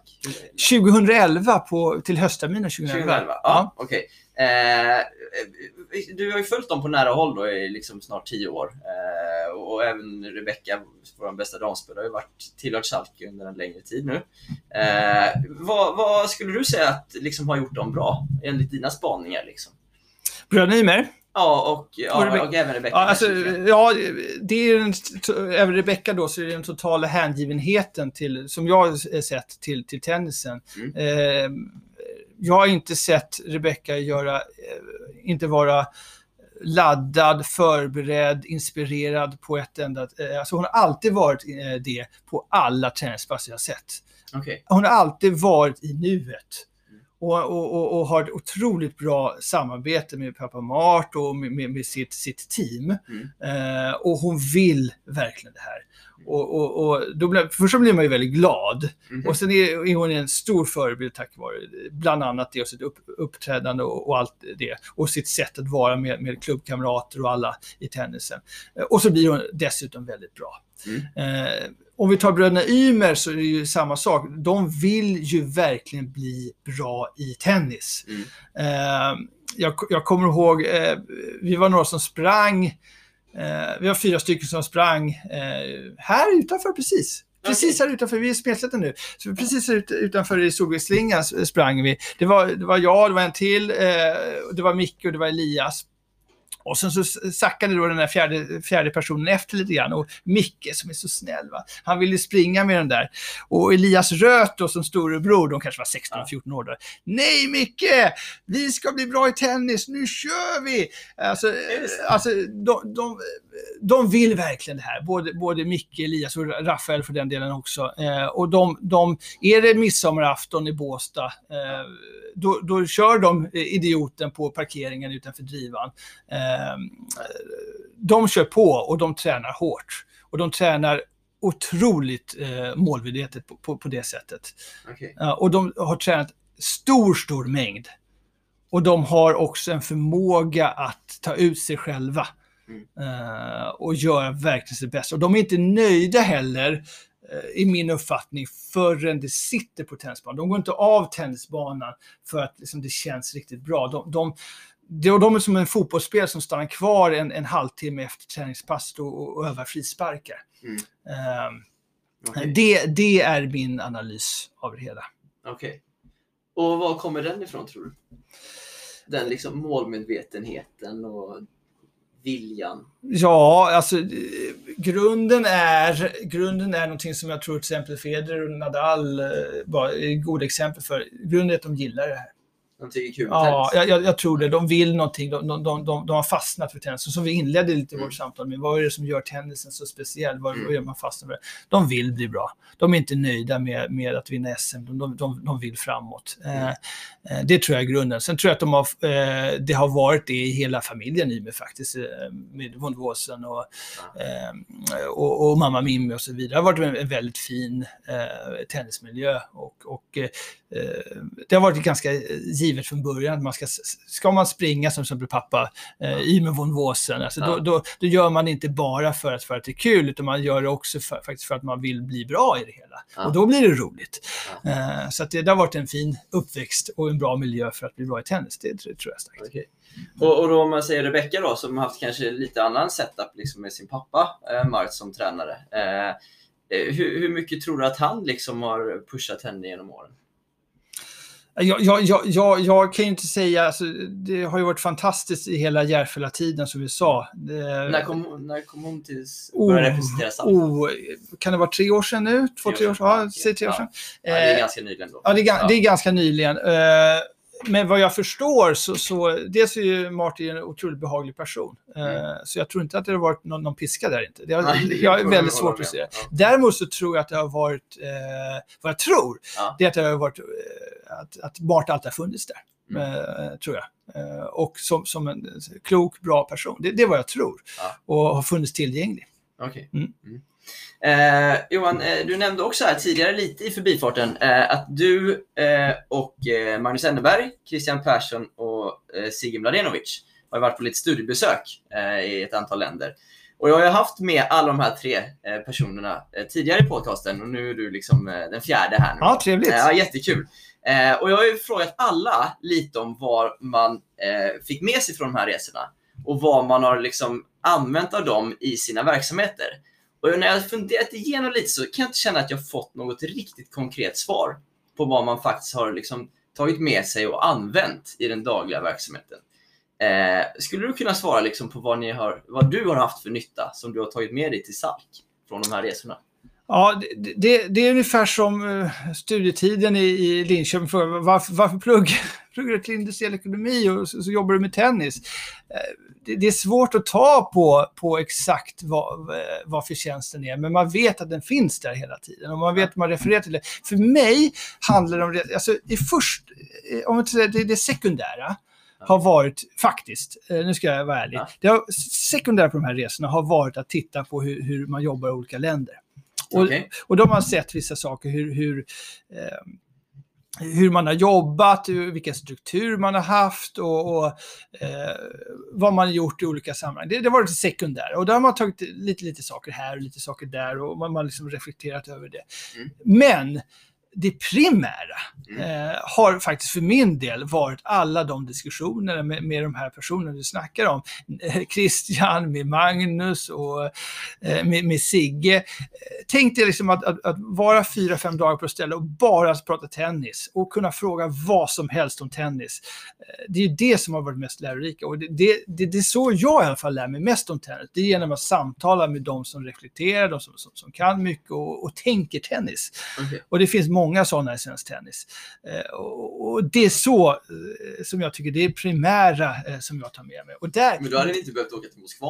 nej, Då men, hade ni men kunnat ta, åka till O'Learys här någonstans. det hade vi kunnat göra, men hade vi gjort det då i frågan? Nej, men det är naturligtvis att det ger jättemycket i en sån miljö och det, Ja. jag säger att det är sekundära. Men vad har du tagit med dig då? Förutom de här samtalen med tränarna. Liksom, från de olika nat- nationerna.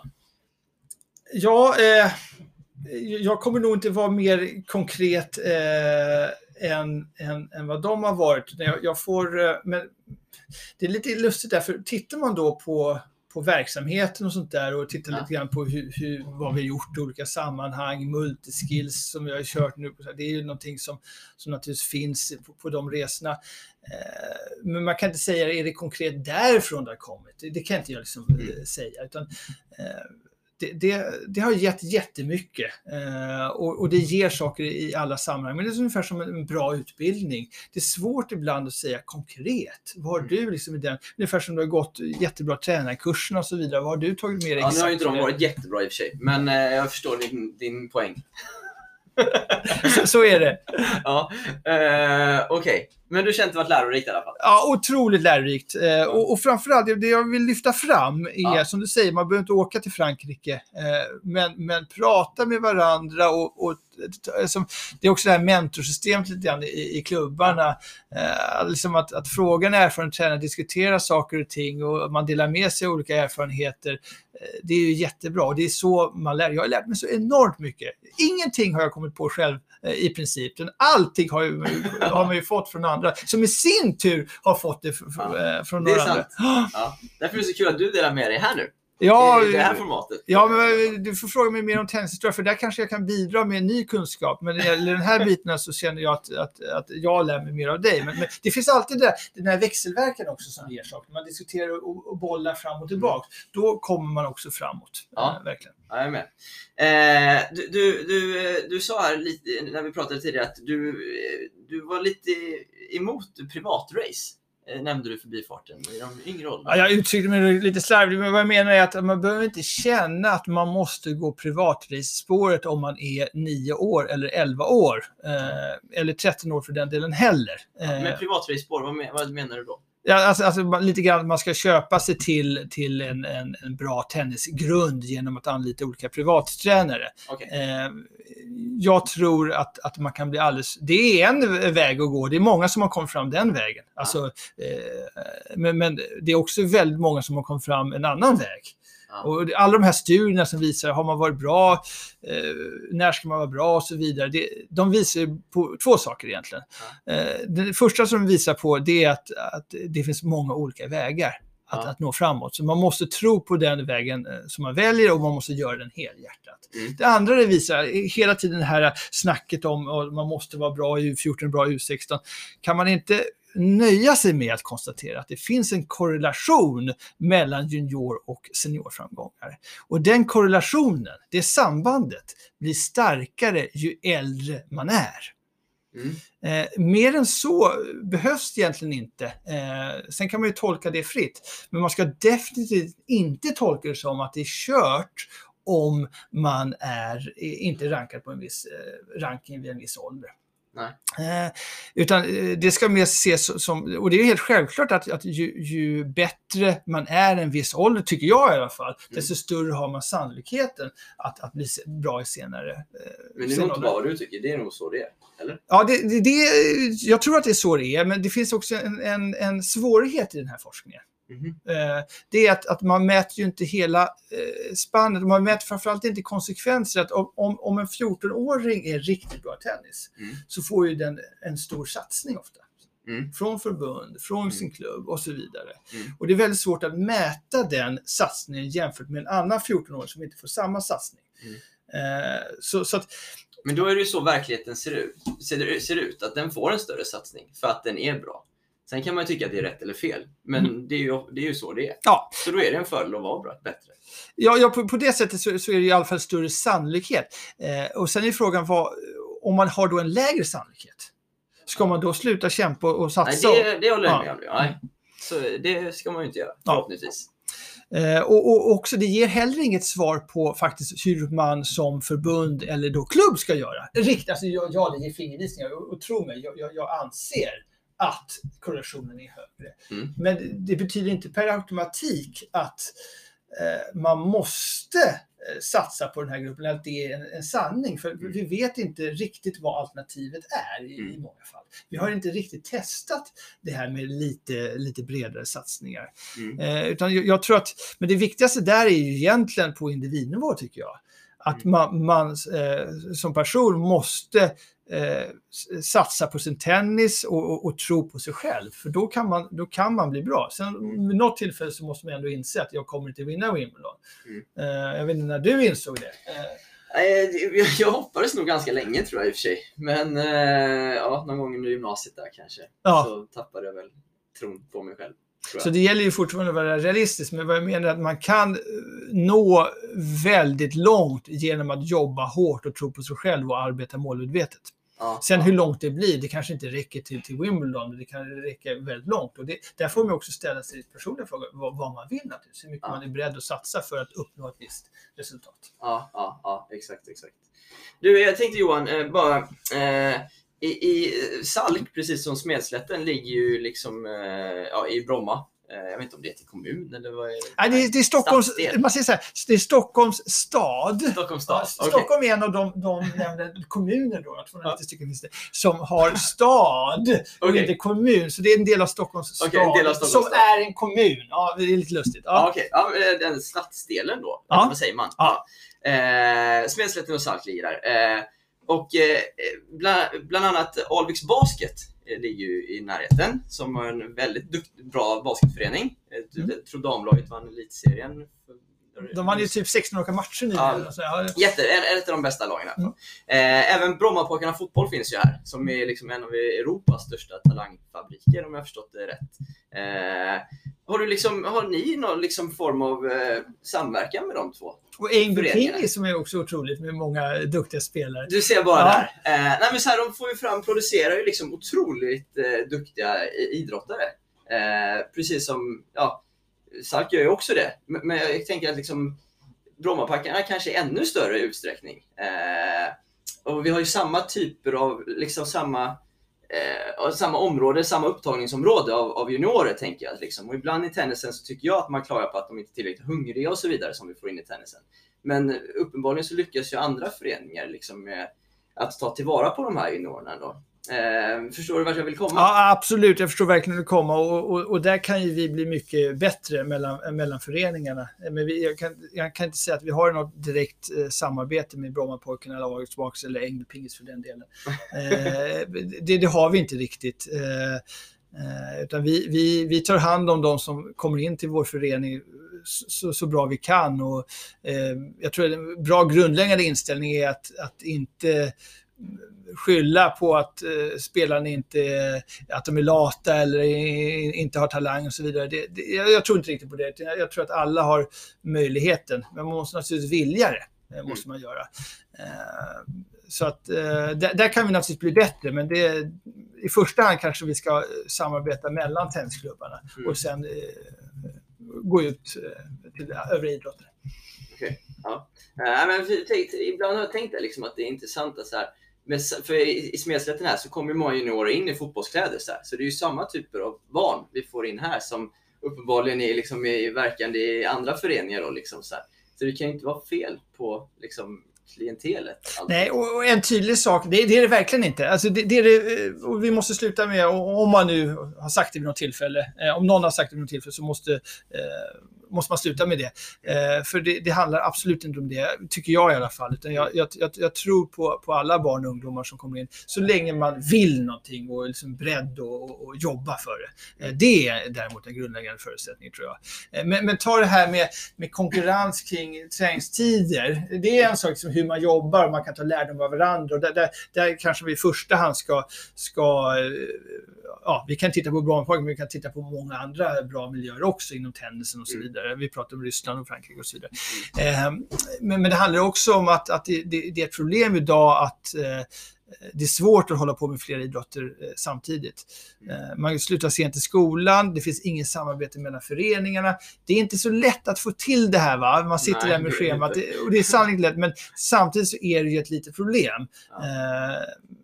Får man ju ändå säga. Det är jättesvårt att hålla på med flera olika idrotter samtidigt. Ja. Och jag tror, även om du säger kanske att det är old school, jag, eh, jag tror ju att, att få en bred, bra grund, en bra idrottsgrund, Ja. tror jag är jättebra.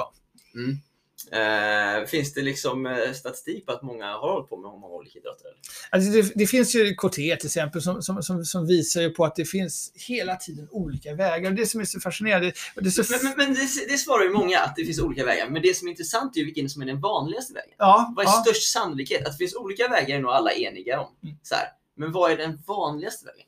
Jag kan, inte, jag kan inte svara eh, på det, för det, det, det, återigen, det är inte så himla lätt att reda ut det rent eh, forskningsmässigt, skulle jag faktiskt säga. Eh, Det är faktiskt inte det. Så man, det- man tycker det borde vara lätt och, och, och sånt där. Men all, alla vägar är olika. Men jag, jag, jag tror ju ändå på att en stor väg, och det är vad jag tror, jag har inga uppgifter på det, men jag, jag tror att det är att hålla på med en allsidig idrott, att förstå idrott, eh, att, att ha, kunna lite olika saker. Jag tror att det är väldigt bra, för jag vet att det är många, många, många tennisspelare som har gått den vägen.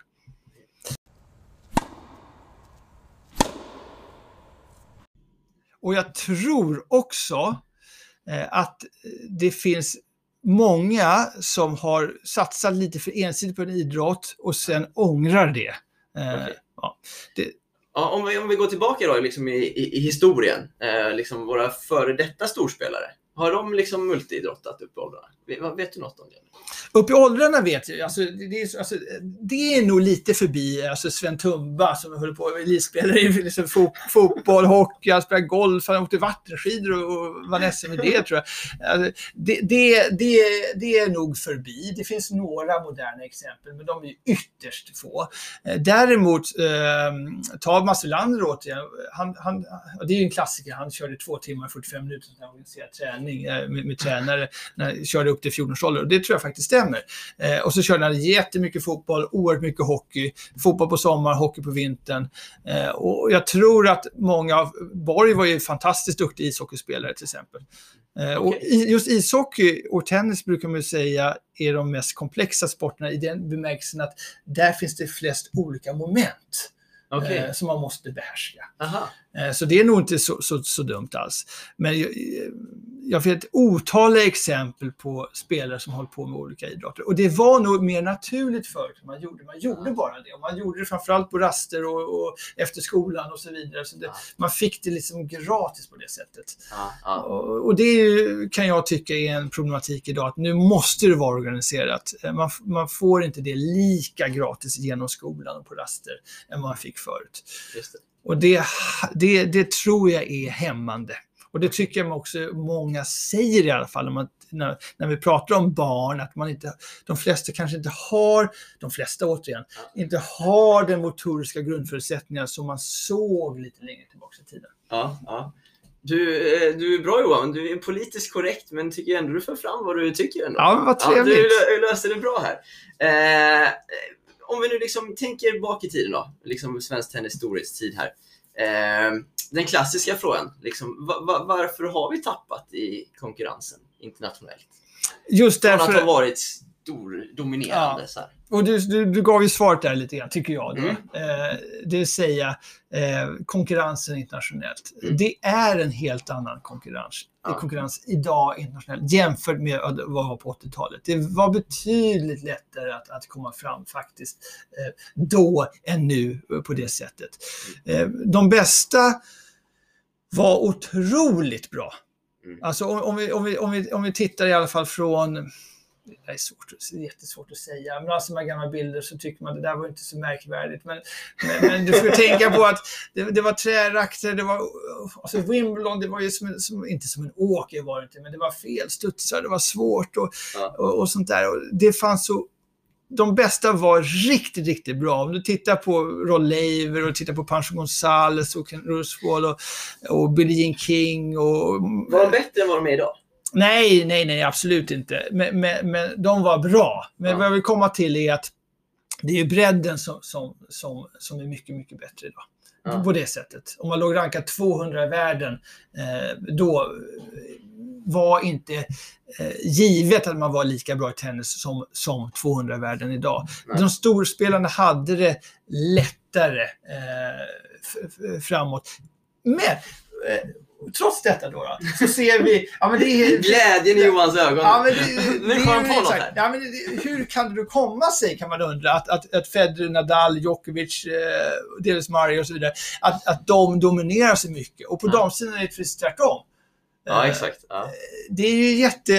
Där ser vi inte den dominansen. Nej, det är Serena bra, Serena ja. naturligtvis, men bortsett från det så är det ganska många som Ja. tampas om Grand Slam-titlarna. Eh, Det är ju svårförklarat, men en del i förklaringen Ja. skulle kunna vara materialet faktiskt. Eh, Okej. Det vill säga att, att det var tufft att spela på Wimbledon förut. Det var Ja. felstudsar och, och, och, och man var tvungen att gå fram på nät. Om det var trärackare, man kunde liksom inte eh, sopa någon av banan som man kan, kan idag på samma Ja. sätt. Och då blir det också mer osäkert vem som ska, kommer vinna matchen. Mm. Eh, Jag möter ju mycket, mycket hellre dig. Mm. Nu har vi spelat en gång. Ja. Du vann. Eh, I tennisdelen, sen vann jag squashen, men det är en annan sak.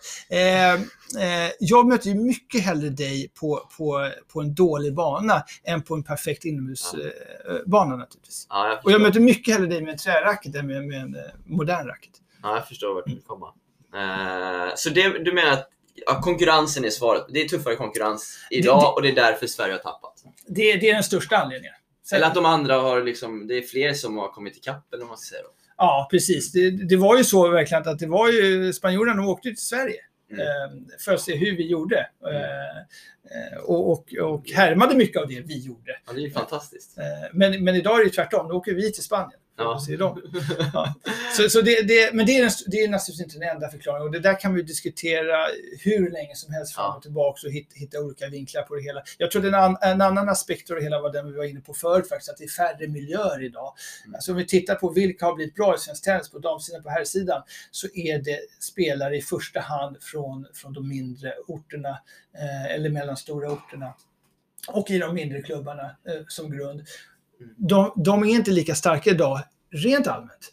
Och, och där ser vi naturligtvis en större svårighet att få fram spelare. Mm, mm. Eh, Johan, vi, vi har ju pratat lite salk här eh, idag till exempel. Eh, och jag förstår ju att du liksom har ett stort salkhjärta. Eh, men finns det någon annan klubb eller miljö som du skulle se det som en härlig utmaning att ta dig an och jobba i?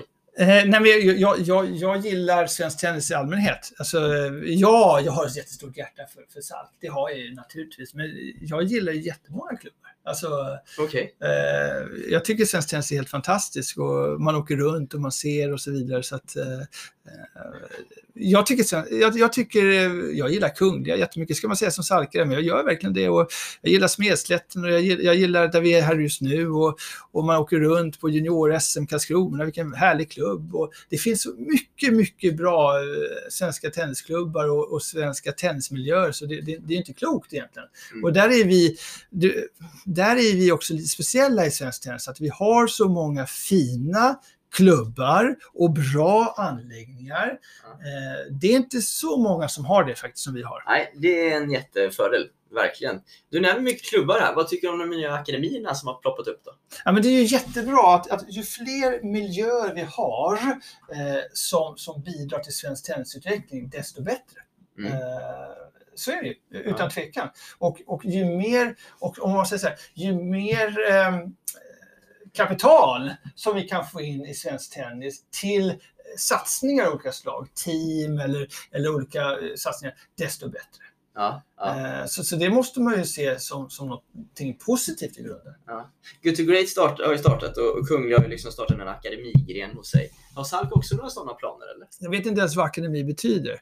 Eh, alltså, För vad, det heter ju akademi. Ja, jag vet. Men Just det, det heter akademi. Alltså, Ja. men, men om vi Hur kan... tolkar du det då? Nej, men om, om vi, vi, vi kollar, vi, det är Aristoteles från början, men, men, äh, äh, som hade den första akademin i Aten. Eh, 312 före Kristus.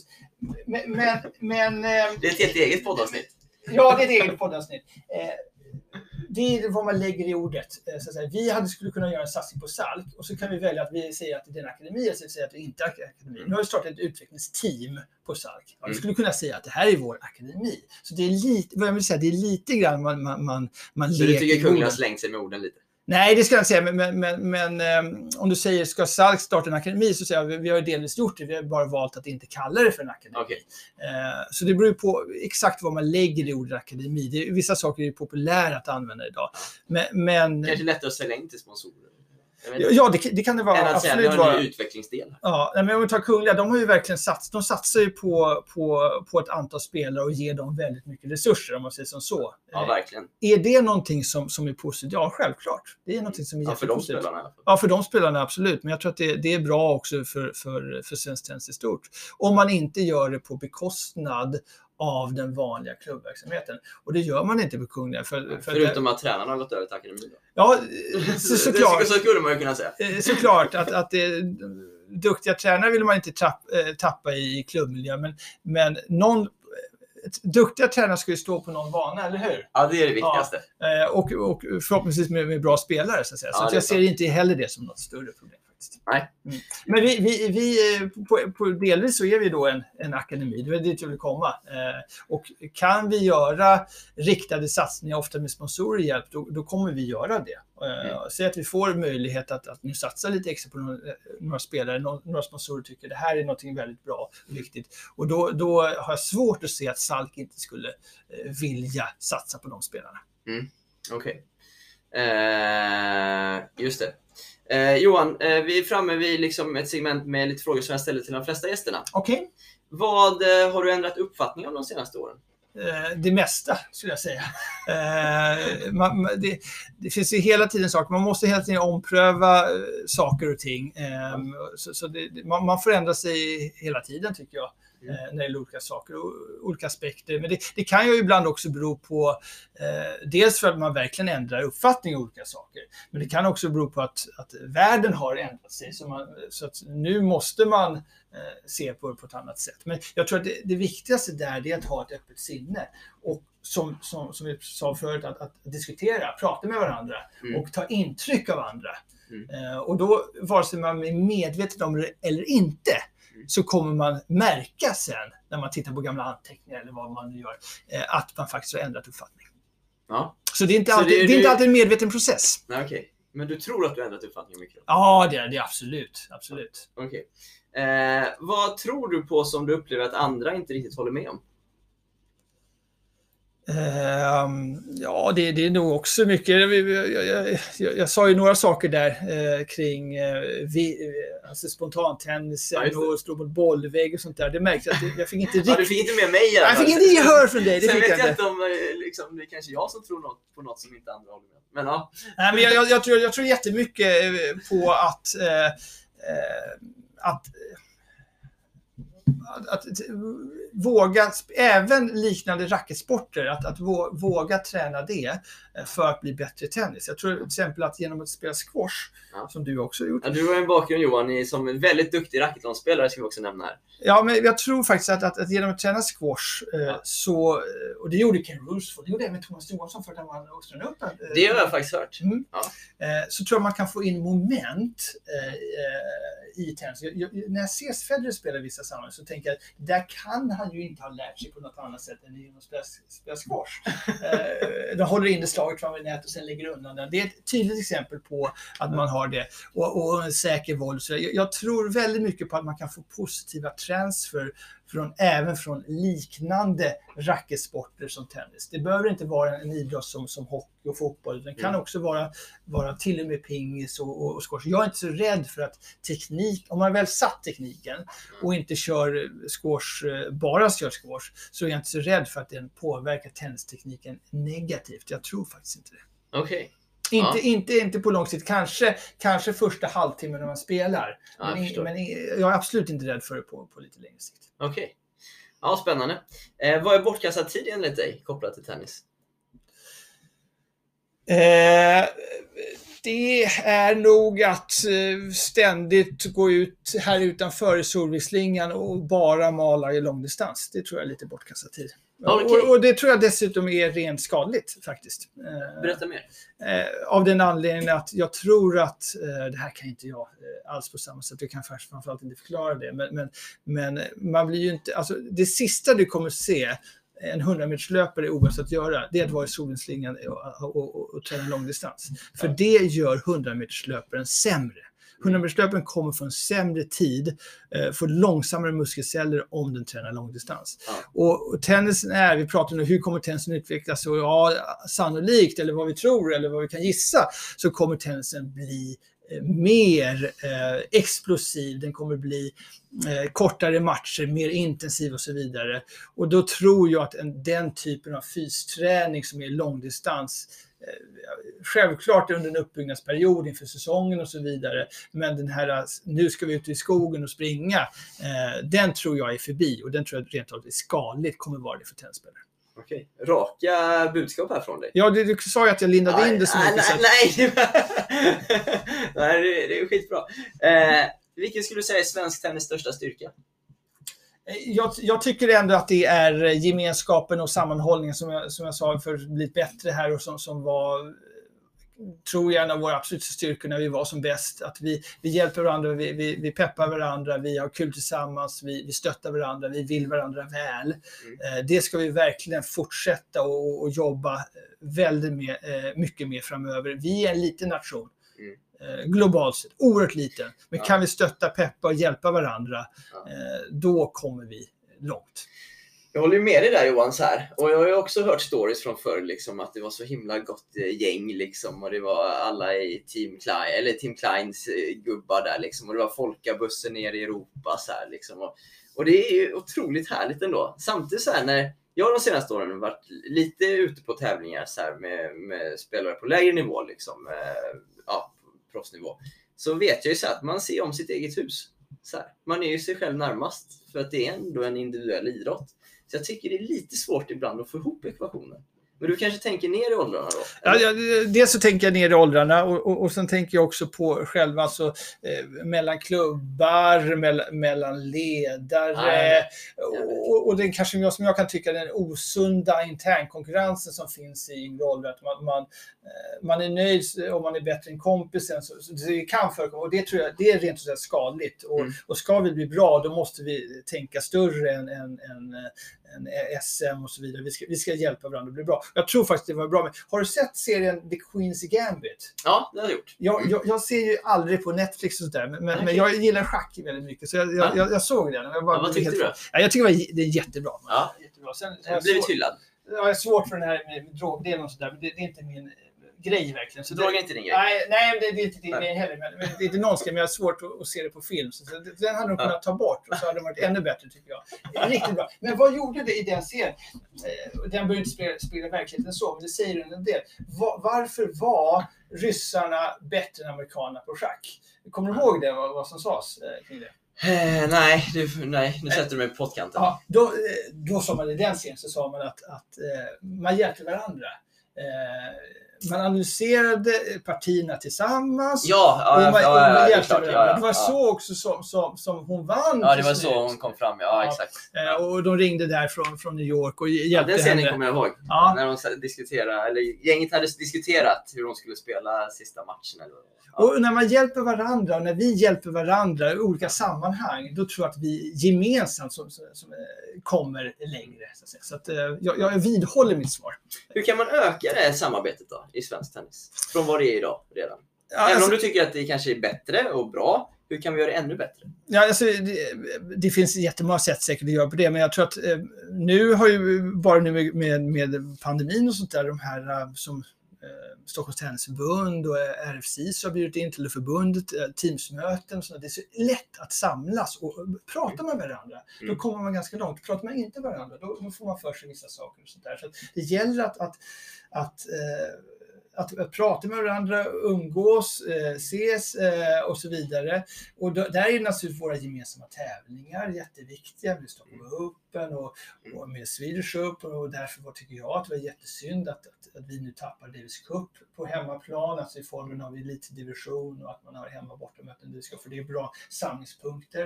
Eh, men jag tror också att, att det, det handlar om tävlingsplanering. Eh, Att vi inte åker till olika tävlingar utan vi faktiskt åker till samma tävlingar man kan, tränare kan mötas, spelare kan mötas. Det är ett, ett tydligt konkret exempel. Det finns jättemånga saker säkert att göra. Mm, mm. Men då är det upp till var, var och en liksom, att ta kontakter liksom, med folk. Då.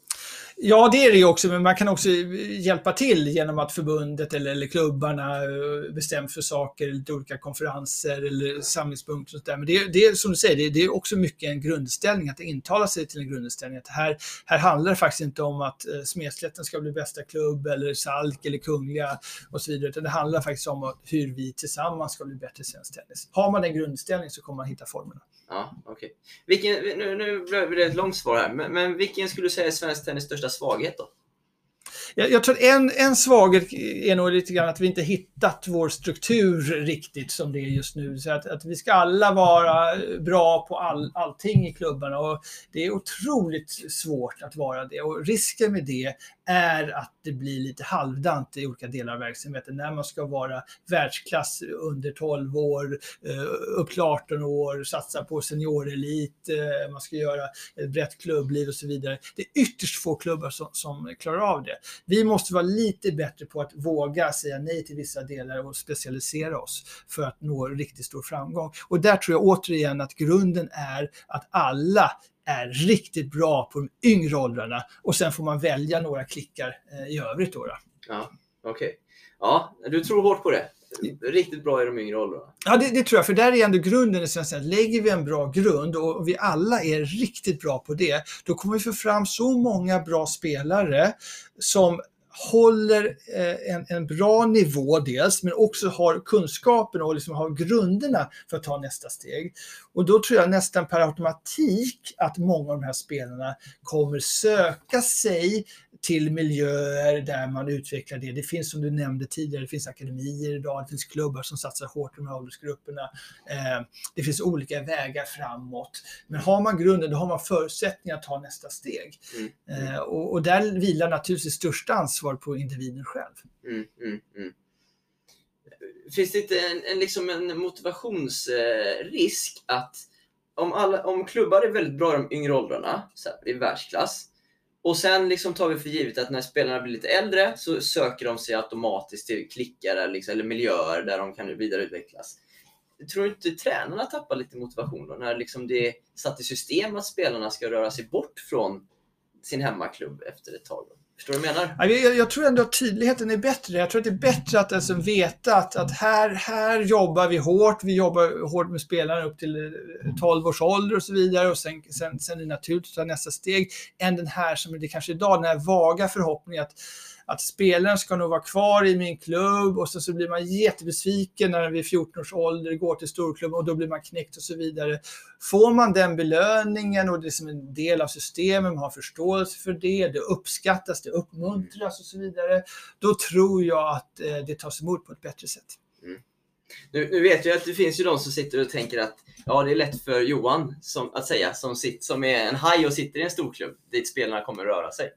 Jag menar faktiskt precis tvärtom. Jag menar att, att som det är idag så, så, så, eh, så, så är jag inte så stolt över Salk och övriga klubbar som, eh, som är en del av det här systemet. Det är ingenting som, som jag vill och, och står för. Okej. det är mycket bättre om vi tänker nytt så att säga och, och, och, och verkligen uppmuntrar och uppskattar alla fantastiska klubbar som gör här, eh, gör det här möjligt. Mm. Eh, Vi måste lyfta eh, de klubbarna och visa att de gör ett sånt fantastiskt jobb. Så jag menar egentligen tvärtom. ja, det är bra. Du kanske redan har svarat på det här nu Johan, men, men om du var härskare över svensk tennis, här, högsta personen, eh, vad skulle du prioritera att ta tag i nu då? Eh, Jag skulle, det tror jag, vi pratar mycket naturligtvis, det är lätt att säga tränarutbildning och vi har liksom ingen eh, tränarlicens. Och, eh, men om man ska göra en ny, säga en ny sak så skulle jag säga tillgängligheten på banor.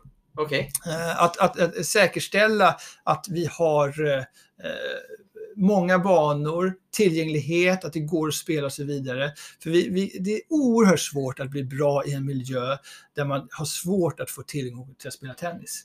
Ja. Eh, och jag är så glad nu. Nu är det tre nya minitennисbanor vid Brukens Haga, inte långt härifrån, som, som kommunen har byggt och Salk var involverat i den processen. Och, och det ger så otroligt mycket.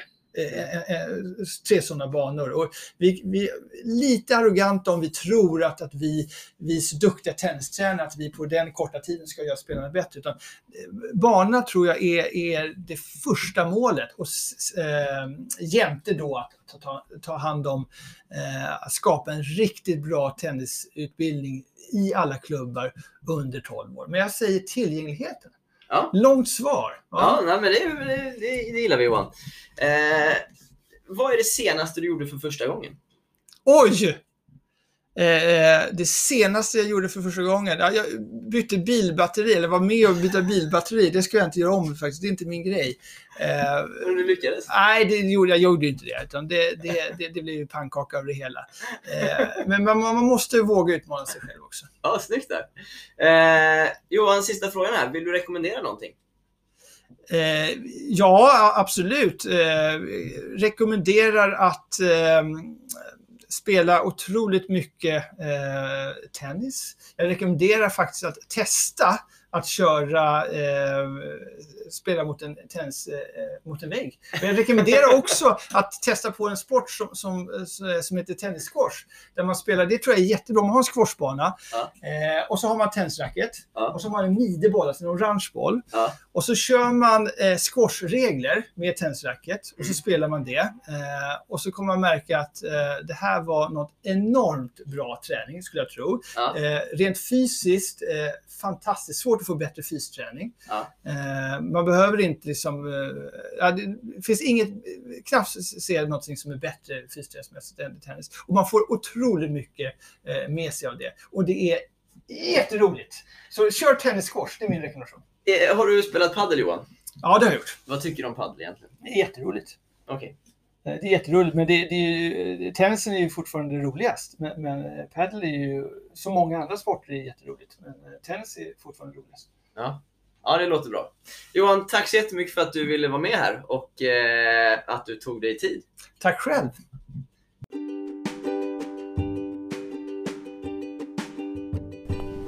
Johan är en fantastisk person. Energin han ger är helt otrolig. Man blir lite smittad av hans entusiasm och positivitet, även om jag inte riktigt delar exakt det positiva synsättet på svensk tennis som Johan ger. Men när Johan bara sprutar optimism vad det gäller i alla fall Salk och tennis överlag, man blir tagen på sängen. Jag håller med om att svenska klubbar ska satsa på att vara världsklass i under 12. Att vissa miljöer måste ta ansvar för elitspelare upp i åldrarna, men ser också en problematik i motivationen hos tränare i mindre klubbar som ska skapa de här miljöerna upp till 12, men som sedan något år senare alltså ska räkna med att spelarna eh, traskar vidare i sina karriärer. Där är ett måste att höja incitamenten och statusen på jobbet att ta fram spelarna upp till 12 i så fall. Tror jag. Tack för idag, vi hörs snart igen.